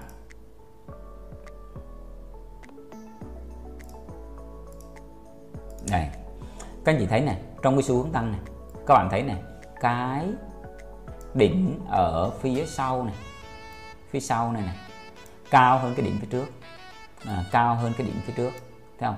À, cao hơn. Đấy thì ở đây là một cái xu hướng tăng. À, đây là một cái xu hướng tăng các bạn thấy không? Tương tự đáy sau à, cao hơn đáy trước. À, thấy không? Đáy sau này cao hơn đáy trước. Đó rồi có có một bạn á nói với tôi rằng ô anh ơi à, bây giờ cái à, cái đáy này cái đáy này nó lại thấp hơn cái đáy trước này rồi. Thế thì cái xu hướng nó có giảm hay không? À, thì thông thường các bạn nhớ này không phải cái gì các bạn cũng đập khuôn đâu. À, các anh chị cần phải nhìn nhận thật sự cái xu hướng của thị trường hiện tại về cái dòng tiền đổ vào trong cái thị trường này về những cái nhóm làm giá họ làm gì. Khi các bạn hiểu về cái thị trường này rồi các anh chị các bạn biết rằng á, chạc này á, là những cái nhóm mà thao túng thị trường họ vẽ được chạc các bạn. Và nếu như các anh chị mà quá lệ thuộc vào những cái phân tích kỹ thuật mà áp dụng rập khuôn á, thì các anh chị sẽ bị cái nhóm dẫn dắt thị trường họ dẫn mũi các bạn đi thôi. Ví dụ nếu như các bạn áp dụng máy móc á, thì các bạn thấy như vậy các bạn sẽ bán tháo ở đây. À, bán tháo thấy xuống đây các bạn bán tháo.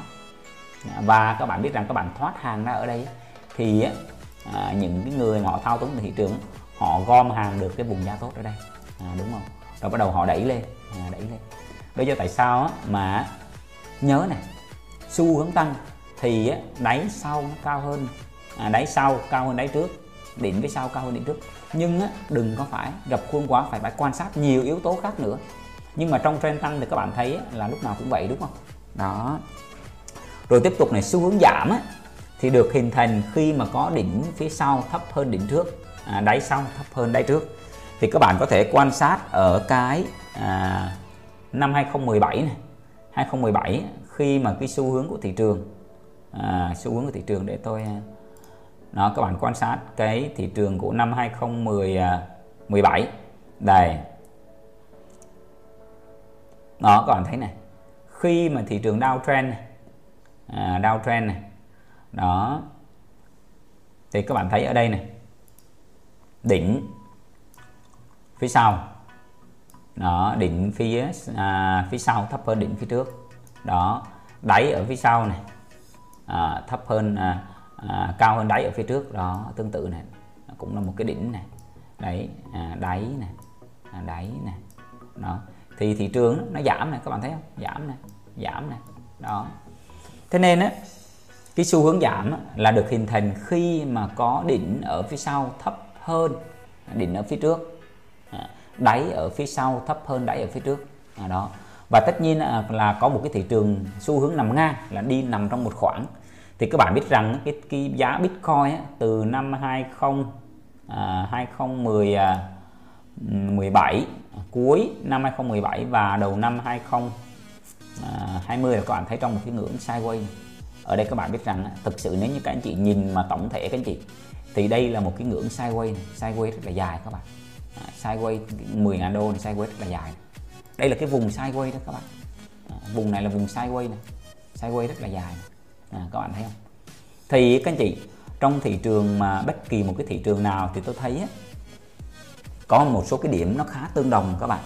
Là 80% các bạn nhớ 80% là cái thị trường sideways và chỉ có 20% là thị trường xu hướng này. Các bạn thấy crypto trước đây này, Bitcoin à, nguyên một cái khoảng này sideways này trong cái thời gian rất là dài và các bạn thấy thị trường xu hướng chỉ có 20% này ở đây xu hướng chỉ có tăng lên đây. À, thấy không? Còn lại đa số thị trường là sideways. Cho nên thời gian trong mà đầu tư các bạn là hầu như các bạn ít động là nhiều hơn. À, tất nhiên những cái bạn mà trader à, thì các bạn ra vào lại nhiều. Nhưng mỗi người sẽ có một cái cách sử dụng à, cách sử dụng. Thì với cá nhân tôi thì tôi luôn định hướng cho các bạn à, làm sao làm đúng các bạn. Đích đến của chúng ta là kiếm được tiền thì cái việc của chúng ta làm sao chọn cái việc làm đơn giản nhất à, mà kiếm được nhiều tiền nhất? Các bạn hiểu không? Các bạn chọn cái việc à, đơn giản nhất à, mà kiếm được cái nhiều tiền nhất thì sẽ rất là hay.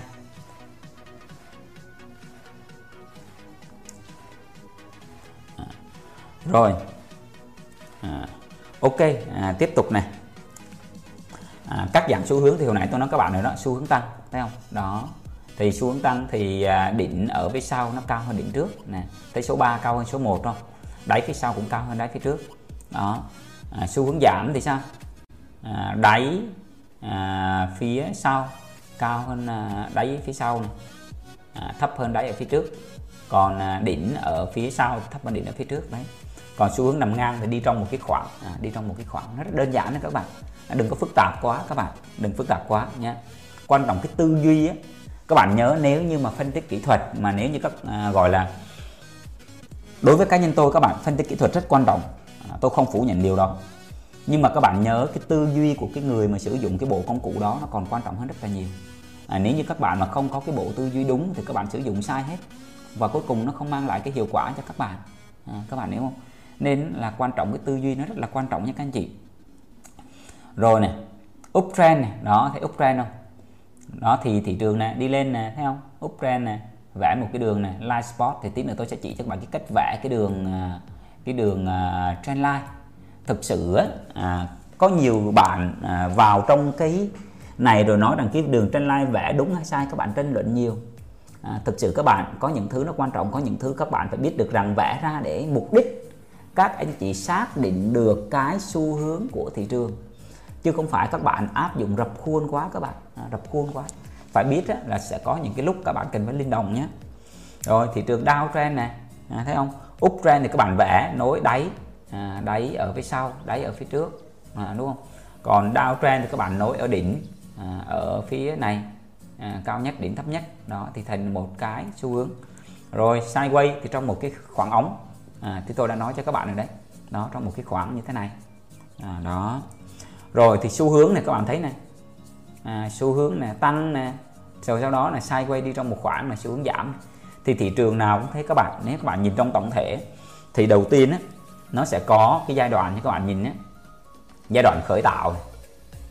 À, sau đó bắt đầu giai đoạn phát triển này. À, phát triển lên một xíu này các bạn thấy không phát triển này sau đó các bạn thấy là giai đoạn phát triển cực đại này. cực đại tăng lên rất là mạnh này. hiểu không tăng lên rất là mạnh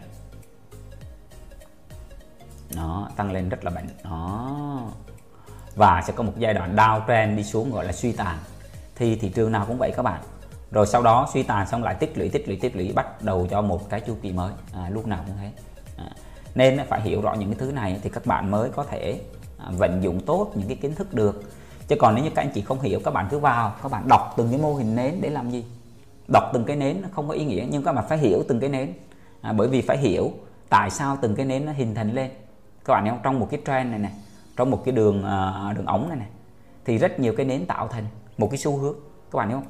Ví dụ ở đây các bạn vào lệnh cái điểm nào trong cái xu hướng này các bạn cũng thắng cả. Thế nên cái xu hướng là cái thứ các bạn cần phải xác định trước. Xác định đúng xu hướng thì các bạn thắng xác định sai xu hướng thì các bạn thua. À, đó lý do tại sao các anh chị biết rằng người ta có một cái câu nói rất là hay và cái câu nói này là cũng cái kim chỉ nan của tôi các bạn. Xu hướng là bạn trend is friend xu hướng là người bạn của các bạn nếu các bạn không xác định được xu hướng thì các bạn thua ngay khi bước vào cuộc chiến đó các bạn. Rồi về vẽ trendline à, thì có rất nhiều bạn là cứ vào trong cái này rồi các bạn cứ tranh luận về cái việc vẽ trendline à, vẽ trendline thì ở đây tôi cũng chia sẻ cho các bạn cái cách vẽ đúng cái cách vẽ sai. À, ví dụ ở đây à, các bạn sẽ vẽ cái trendline ví dụ các bạn sẽ nối ở cái đáy thứ nhất à, lên trên cái đáy thứ hai các bạn sẽ vẽ ra đây. Đó và thông thường nhiều bạn áp dụng cái kiểu à, một phần của máy móc nữa là các bạn thấy khi mà nó phá xu hướng giá mà phá qua cái đường trendline thì các bạn sẽ vào một cái lệnh ở đây. Đó vào một cái điểm lệnh ở đây để các bạn ăn cái xu hướng như này. Thì thông thường à, những cái kèo như thế này ấy, thì các bạn thường hay ăn vặt thôi à, ăn nhỏ nhỏ nhỏ thôi à, ăn nhỏ nhỏ thôi. À, còn tất nhiên các bạn sẽ bán xuống đây một xíu các bạn sẽ me mua lại. Thì tôi ấy, thì cách của tôi thì ấy, à, thông thường tôi sẽ lựa chọn theo xu hướng tăng. Thì trong cái xu hướng tăng tôi chỉ mua vào thôi tôi không bán ra các bạn. À, tôi không bán ra. À, bởi vì khi mà tôi lựa khi mà nó xuống như này các bạn có những cái vùng điều chỉnh như thế này thì tôi sẽ lựa chọn mua vào. À, team của tôi hôm trước mua vào tại vùng này khá nhiều. À, đấy. Thì á tùy theo mỗi người chiến lược. Nhưng mà sao? Các bạn đừng có áp dụng máy móc nhé. À, nhiều bạn áp dụng máy móc là à thôi xu hướng đã phá cái đường à, trendline này rồi thì bây giờ xu hướng giảm. Không phải đâu các bạn phải quan sát cái thị trường crypto hiện tại. À, thị trường crypto hiện tại ấy, là những cái dự án này những cái dòng tiền nó mới bắt đầu đổ vào thị trường đó các bạn. À, thế nên các bạn dự đoán à, mà tại đây mà xu hướng giảm rồi bắt đầu các bạn bỏ chạy luôn á, thì phí lắm đấy phí cực kỳ phí. Không có tầm nhìn lớn đâu. Các bạn biết rằng những cái người mà đầu tư dài hạn ví dụ như cá nhân tôi có một số crypto tôi mua tới thời điểm bây giờ à, tôi vẫn chưa bán. Ừ tôi mua tại cái vùng giá rất là thấp. Bởi vì tôi còn nhìn nó dài hạn đó các bạn. Nếu như các bạn có tầm nhìn theo tuần thì các bạn thấy là đang vào một xu hướng tăng. Còn nếu các bạn mà mở ra theo chặt giờ thì các bạn nhìn rối luôn. À, rối luôn không có một cái định hướng nào cả. Ừ. rồi vẽ trên like thì các bạn vẽ này cái dụ xu hướng giảm dụ xu hướng giảm của năm 2017 các bạn sẽ vẽ xu hướng này. Thường khi mà xác định xu hướng á, các bạn hãy làm sao à, lựa chọn đến ngày hoặc là đến tuần các bạn chứ các bạn đừng có lựa đến giờ đến giờ ra các bạn vẽ rối đồ hình lắm. Đó thì ví dụ như nhà ở đây à, các bạn có thể là vẽ cái xu hướng trendline nè. Ví dụ ở đây nếu mà tạo ra hai đỉnh này thì các bạn sẽ vẽ cái cái đường này nối hai đỉnh. À, nó nối đỉnh này. Tại cái cái cái cái, à, cái thân cái nến nhé các bạn đừng có vẽ tại cái râu nhé nó thân cái nến đó thấy không? Nè còn khi mà thị trường xuống đây rồi thì các bạn sẽ vẽ một cái trendline khác. Ví dụ ở hai đỉnh này tạo ở đỉnh này đỉnh này thì các bạn sẽ vẽ khác này đây các bạn thấy không? Đấy trendline này nó xu hướng giảm đúng không? Còn xu hướng tăng thì lúc này các bạn sẽ thấy nè à, đỉnh sau đỉnh trước đó đúng không? Thì ở đây nè các bạn thấy bắt đầu là xu hướng phá này đó đỉnh nè lên đúng không? Đấy. Thì để xác định xu hướng nha các bạn chứ các bạn đừng có đúng sai trong này. À, tôi hay nói với các bạn á mà đừng có để ý đến cái chi tiết có nhiều bạn đặt cái này sát bên góc cái thân cái nến là một xíu nhiều bạn cứ phải đặt ở giữa trung tâm cơ. À, thực sự mục đích của cùng các bạn nhớ vẽ trên like để các bạn xác định xu hướng. À, à, tôi hay nói với các bạn á, à, hôm trước à, tôi cũng có trò chuyện với một bạn. Bạn ấy là cũng là trading nhiều năm rồi.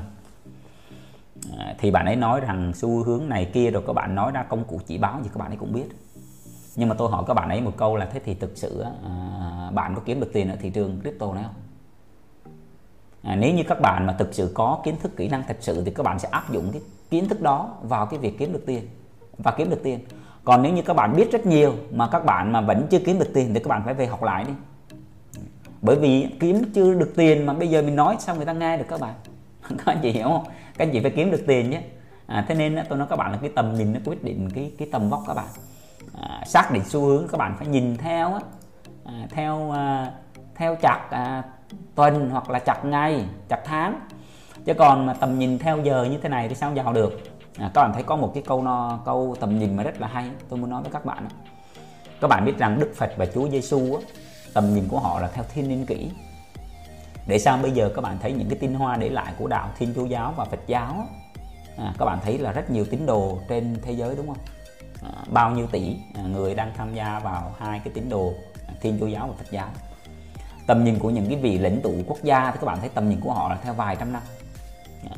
Cho nên cho dù họ mất đi rồi các bạn thấy rằng á, là rất nhiều những cái vị lãnh tụ nổi tiếng thì những cái di sản của họ vẫn để lại. Còn các bạn thấy là những cái người mà họ làm doanh nghiệp doanh nhân thành đạt ấy, tầm nhìn của họ là tầm nhìn vài chục năm cả trăm năm. Dạ. Một cái doanh nghiệp các bạn và các bạn thấy cái tầm nhìn của à, những cái người mà những anh chị mà đi làm công ăn lương là các bạn chỉ tầm nhìn theo tháng thôi. À, từ à, tháng lương này đến tháng lương khác. Còn các bạn thấy tầm nhìn của những cái người mà sao những của bác phụ hồ hoặc là một số người mà các bạn đi làm những công việc nào mà trả lương theo ngày là từ ngày lương này tới ngày lương khác thôi. Thế nếu như các anh chị mà cứ vào mà các anh chị chỉ nhìn vào những con sóng lăn tăn thế này vào lệnh đây à, vào vào ở tại chỗ này rồi ăn lên đây hoặc là gì đó, các bạn ăn vặt cái này không giàu được đó các bạn. Cái người mà họ, các bạn thấy rằng, các bạn dung lại, các bạn thấy này. Các bạn chỉ đang là những cái điểm lăn tăn thôi. Còn cái người ta, họ chỉ cần một cái điểm vào lệnh họ đi chơi. Rồi thời gian còn lại họ để đó. Họ các bạn thấy là họ thu được nhiều hơn các bạn. Thế nên đối với tại sao mà tôi nói các bạn hay vào đây là cái mục đích các bạn vào thị trường này để làm gì là vậy? Các bạn hiểu không? Đó. Rồi, vẽ trên like cũng như vậy các bạn trên like để các bạn xác định cái xu hướng nhé xu hướng. Và nhớ quan trọng trong crypto là cái tầm nhìn dài hạn tầm nhìn dựa vào những cái indicator ngoài cộng đồng các anh chị. À, thấy cộng đồng mà họ sợ hãi à, thì cái việc của các bạn cần phải làm gì? Nhớ crypto là một cuộc chơi của cảm xúc. Thấy người ta sợ mình cứ xúc cứ mua vào các bạn. Hiểu không? Thấy người ta sợ cứ mua vào mua vào nè. À, các bạn hãy nhìn dài hạn đó các bạn. Các bạn mở cái coin market cap ra mở cái chart của BTC ra cái xu hướng đang tăng các bạn. Trong tăng nó sẽ có những cái đợt rung lắc chứ. Càng lên cao rung lắc càng mạnh các bạn hiểu không? Càng rung ca lên cao thì rung lắc càng mạnh. Và đó là cái chuyện hiển nhiên hiển nhiên. Và đó là tại sao các bạn phải hiểu được những điều này các bạn mới đi dài hạn với thị trường được. À, nhé các anh chị. À, nên tôi nói với các bạn là cái bộ video này nó đáng giá rất là nhiều tiền nhiều tiền lắm các bạn. Ừ. Các bạn mà tận dụng được nó thì các bạn sẽ kiếm được nhiều tiền lắm. À, tôi nên tôi rất là mong muốn các anh chị nó có cơ hội hãy share những cái video. À, này share cái kênh này cho rất nhiều anh chị họ vào để họ có cái cơ hội họ học và họ thay đổi cái cuộc đời của họ. À, và các bạn à, các chị mà có cái câu hỏi nào các anh chị cứ đặt ở dưới cái comment ở bên dưới à, bên dưới cái video á, thì tôi sẽ giải đáp cho các anh chị nha tôi sẽ giải đáp cho các bạn. Rồi à, vẽ trên line mà đúng nè. Đó thì nhiều người là cứ vẽ tại cái điểm này. À, điểm này thực sự các bạn vẽ lên đây một xíu cũng không có sai đâu các bạn còn vẽ trên line sai nè là vẽ cắt qua cái vùng này luôn. Trên line đúng là các bạn sẽ vẽ ở cái vùng phía dưới này nè hiểu không? Đó. Nhé chứ không phải là vẽ cắt qua. Ừ, Nha các bạn. Rồi những lưu ý quan trọng này các anh chị quan trọng cái này các bạn. À, trong đầu tư crypto các bạn các bạn phải cần chú ý rất nhiều yếu tố để có thể chiến thắng được cái thị trường này. À, không phải các anh chị à, học được, hiểu được à, vẽ được các cái loại nến nhật là các bạn chiến thắng đâu phải à, các đó là những một cái yếu tố khi hiểu để mình nhìn vào mình biết tâm lý của cái người đang tham gia vào trong thị trường đó họ đang nghĩ gì họ đang suy nghĩ gì các bạn hiểu không? À, các bạn phải hiểu được rằng để nhìn vào à trong ngày hôm nay thị trường ở đây đang lưỡng lự trong ngày hôm nay là một cái lực mua rất là mạnh tức là cái niềm tin ở thị trường này rất là mạnh giá xuống đây vùng mua đẹp là bên mua rất là mạnh mẽ mua đi lên. Các bạn thấy không? À, và bên bán đang thất thế này các bạn thấy không? Và giá tới hôm nay vẫn dằn co sẽ hiện cái thử lưỡng lự. Và các bạn thấy sẽ giá sẽ đẩy lên thôi. À, đẩy lên đấy các bạn ạ. Đó. À, rồi tiếp tục này. À, các bạn phải làm sao chọn đúng cái xu hướng của thị trường. À, dòng tiền đổ vào cái thị trường này nó rất là quan trọng. À, chọn đúng cái xu hướng của cái dòng tiền à, vào thị trường nhé các bạn. Chứ còn nếu không thì các bạn sẽ sẽ sẽ lãng phí đấy. À, đó. Rồi tiếp theo nữa là đúng cái thời điểm. À, trong trend tăng thì các bạn thấy crypto nào cũng tăng à, đúng không? Trong trend tăng à, thì crypto nào cũng tăng. Các bạn hãy mở cả trăm cái cái đồng coi trên này các bạn các bạn mở ra đi. À, trong trend tăng thì crypto nào cũng tăng hết trơn đấy à, mở ra xem chạc của nó đó. Nhưng tại sao á, là các bạn thử quan sát cả cái cộng đồng đầu tư crypto họ lại thua? Thì họ thua là tự họ do họ bắn vào chân mình đó các bạn. Kỹ năng trading của họ không có mà họ đi họ trade thì họ thua thôi à, các bạn hiểu mà kỹ năng trading không có mà vào thị trường này trade thì chỉ có thua thôi sao thắng được các bạn? Nên phải có kỹ năng. Còn nếu như mà không có kỹ năng á, thì chịu khó à, ngồi yên ngồi yên đó các bạn. À, nên á, à, đúng thời điểm à, trong crypto nào cũng tăng thì những một số bạn á, đặc biệt là các anh chị này có một số anh chị vào thị trường này á, cái này rất là nguy hiểm. Các bạn vào các bạn mua tại ngay thời điểm đúng trend tăng á, à, trend tăng thì các bạn mua xong là các bạn à, thắng cho các bạn á, à, nghĩ rằng á, là các bạn tài năng. Ừ, tài năng thật sự. Cái sai lầm lớn nhất của con người ta các anh chị là người ta thắng bằng may mắn mà người ta nghĩ rằng họ tài năng. À, đó là tại sao mà các bạn thấy mà sau một cái chu kỳ của thị trường thì cái nhóm người mới họ kiếm được bao nhiêu họ trả lại cho thị trường hết và mất cả vốn lẫn lãi. Rồi lúc này các bạn thấy là nhiều người cứ nói đi nhảy cầu này kia đúng không? À, bán à, lượt nhảy cầu cầu à, gì đó tùm lum cầu Sài Gòn cầu à, gì nhiều đúng không? Đó là cái mà mà mà các bạn cần để ý. Đúng cái vùng giá tốt. Phân tích kỹ thuật đó, nó sẽ cho các bạn tìm được những cái vùng giá tốt. Ví dụ đây là một cái vùng giá các bạn có thể vào này vùng giá lưỡng lự này. À, các bạn thấy không? Vùng này hôm qua là các bạn vào được nè. À, những bạn mà vào thì sẽ mua được cái vùng giá ở đây. Thì các bạn thấy về đây là một cái vùng hỗ trợ này các bạn thấy không? À, vùng hỗ trợ này. Có thể đâm xuyên qua một xíu nhưng các bạn thấy cái vùng này các bạn mua là vẫn vùng tốt các bạn. À, nhé rồi chọn đúng crypto. trong trên tăng có rất nhiều người mất tiền bởi vì chọn phải những crypto ponzi. À, một số crypto mà bán theo gói. À, tôi thấy là rất nhiều anh chị tổ nghiệp à, có rất nhiều crypto trong coin market cap những crypto tốt à, trên coin market cap ở đây à, cả hàng trăm crypto ở đây. Nếu mà họ chọn mua một crypto nào bất kỳ thì họ cũng thắng hết các bạn họ cũng thắng hết. Nhưng mà tại sao họ lại thua? Bởi vì họ bây giờ họ còn không biết cái coin market cap là cái gì luôn các bạn à, rồi bắt đầu họ vào họ mua những cái crypto mà được giới thiệu bởi bạn bè. À, tất nhiên là là họ phải cần trải nghiệm thôi. À, các bạn không đúng không sai. À, họ cần phải rút ra được cái bài học để họ trưởng thành hơn. À, rồi tôi hay nói với các bạn ấy, là tư duy à, tầm nhìn nó tạo cái thành quả. À, biết nhiều công cụ kỹ thuật ấy, chứ chắc đã giàu đâu các bạn. À, tôi thấy rất nhiều bạn trader trade rất là nhiều năm nhưng mà nghèo là vẫn cứ nghèo à, bởi vì sao? Bởi vì các bạn đang nhìn vào những cái tiểu tiết. À, các bạn đang nhìn vào những cái tiểu tiết các bạn cứ vào các bạn nhìn cái nến giờ như thế này. À, trong lúc đó cái người khác thì họ không nhìn như các bạn. À, các bạn nhìn vào nến giờ thì các bạn thấy bao nhiêu cái điểm vào lệnh rối luôn đúng không? À, tôi thì không nhìn như vậy các bạn. Và à, tư duy nó quan trọng đó các bạn. À, tư duy đúng đó cho tại sao nhiều bạn họ bỏ ra họ đầu tư vào kiến thức à, và các anh chị cần phải trải nghiệm với thị trường thì các bạn mới có thể đi dài hạn và hiểu được cái thị trường này các bạn. Đó. Do tại sao mà các bạn biết rằng tôi làm cái học viện đầu tư tài chính này. Bởi vì những cái kỹ năng nó cần nó cần thiết. À, các bạn à, hiểu là một chuyện có bản lĩnh hay không là một chuyện khác. Và các bạn cần phải đi dài hạn với thị trường à, nha các anh chị. Thì à, đó do tại sao mà các bạn biết rằng trong group của tôi ở đây thì những cái con người họ đi trong này đi cùng tôi dài hạn. Và họ biết cách tạo nguồn tiền. À, họ giữ được crypto. À, thời điểm này là một cái thời điểm mà các bạn phải biết giữ những crypto. À, kiếm tạo dòng tiền mua nó bởi vì các anh chị sẽ không còn có cơ hội mua lại những crypto. Ví dụ bây giờ các bạn muốn mua bit tại giá 10.000 đô làm gì có là các bạn sẽ không còn. À, đúng không? Hiểu không? Ok. À, thì cái tư duy các bạn nó quyết định các bạn chiến thắng đấy. Ừ, chứ không phải là à, cái gì đâu? À, nhé rồi ok. À, hẹn gặp lại các anh chị trong những cái video tiếp theo. À, các anh chị có câu hỏi nào thì có thể comment ở bên dưới nhé. À, thân ái chào tạm biệt các anh chị.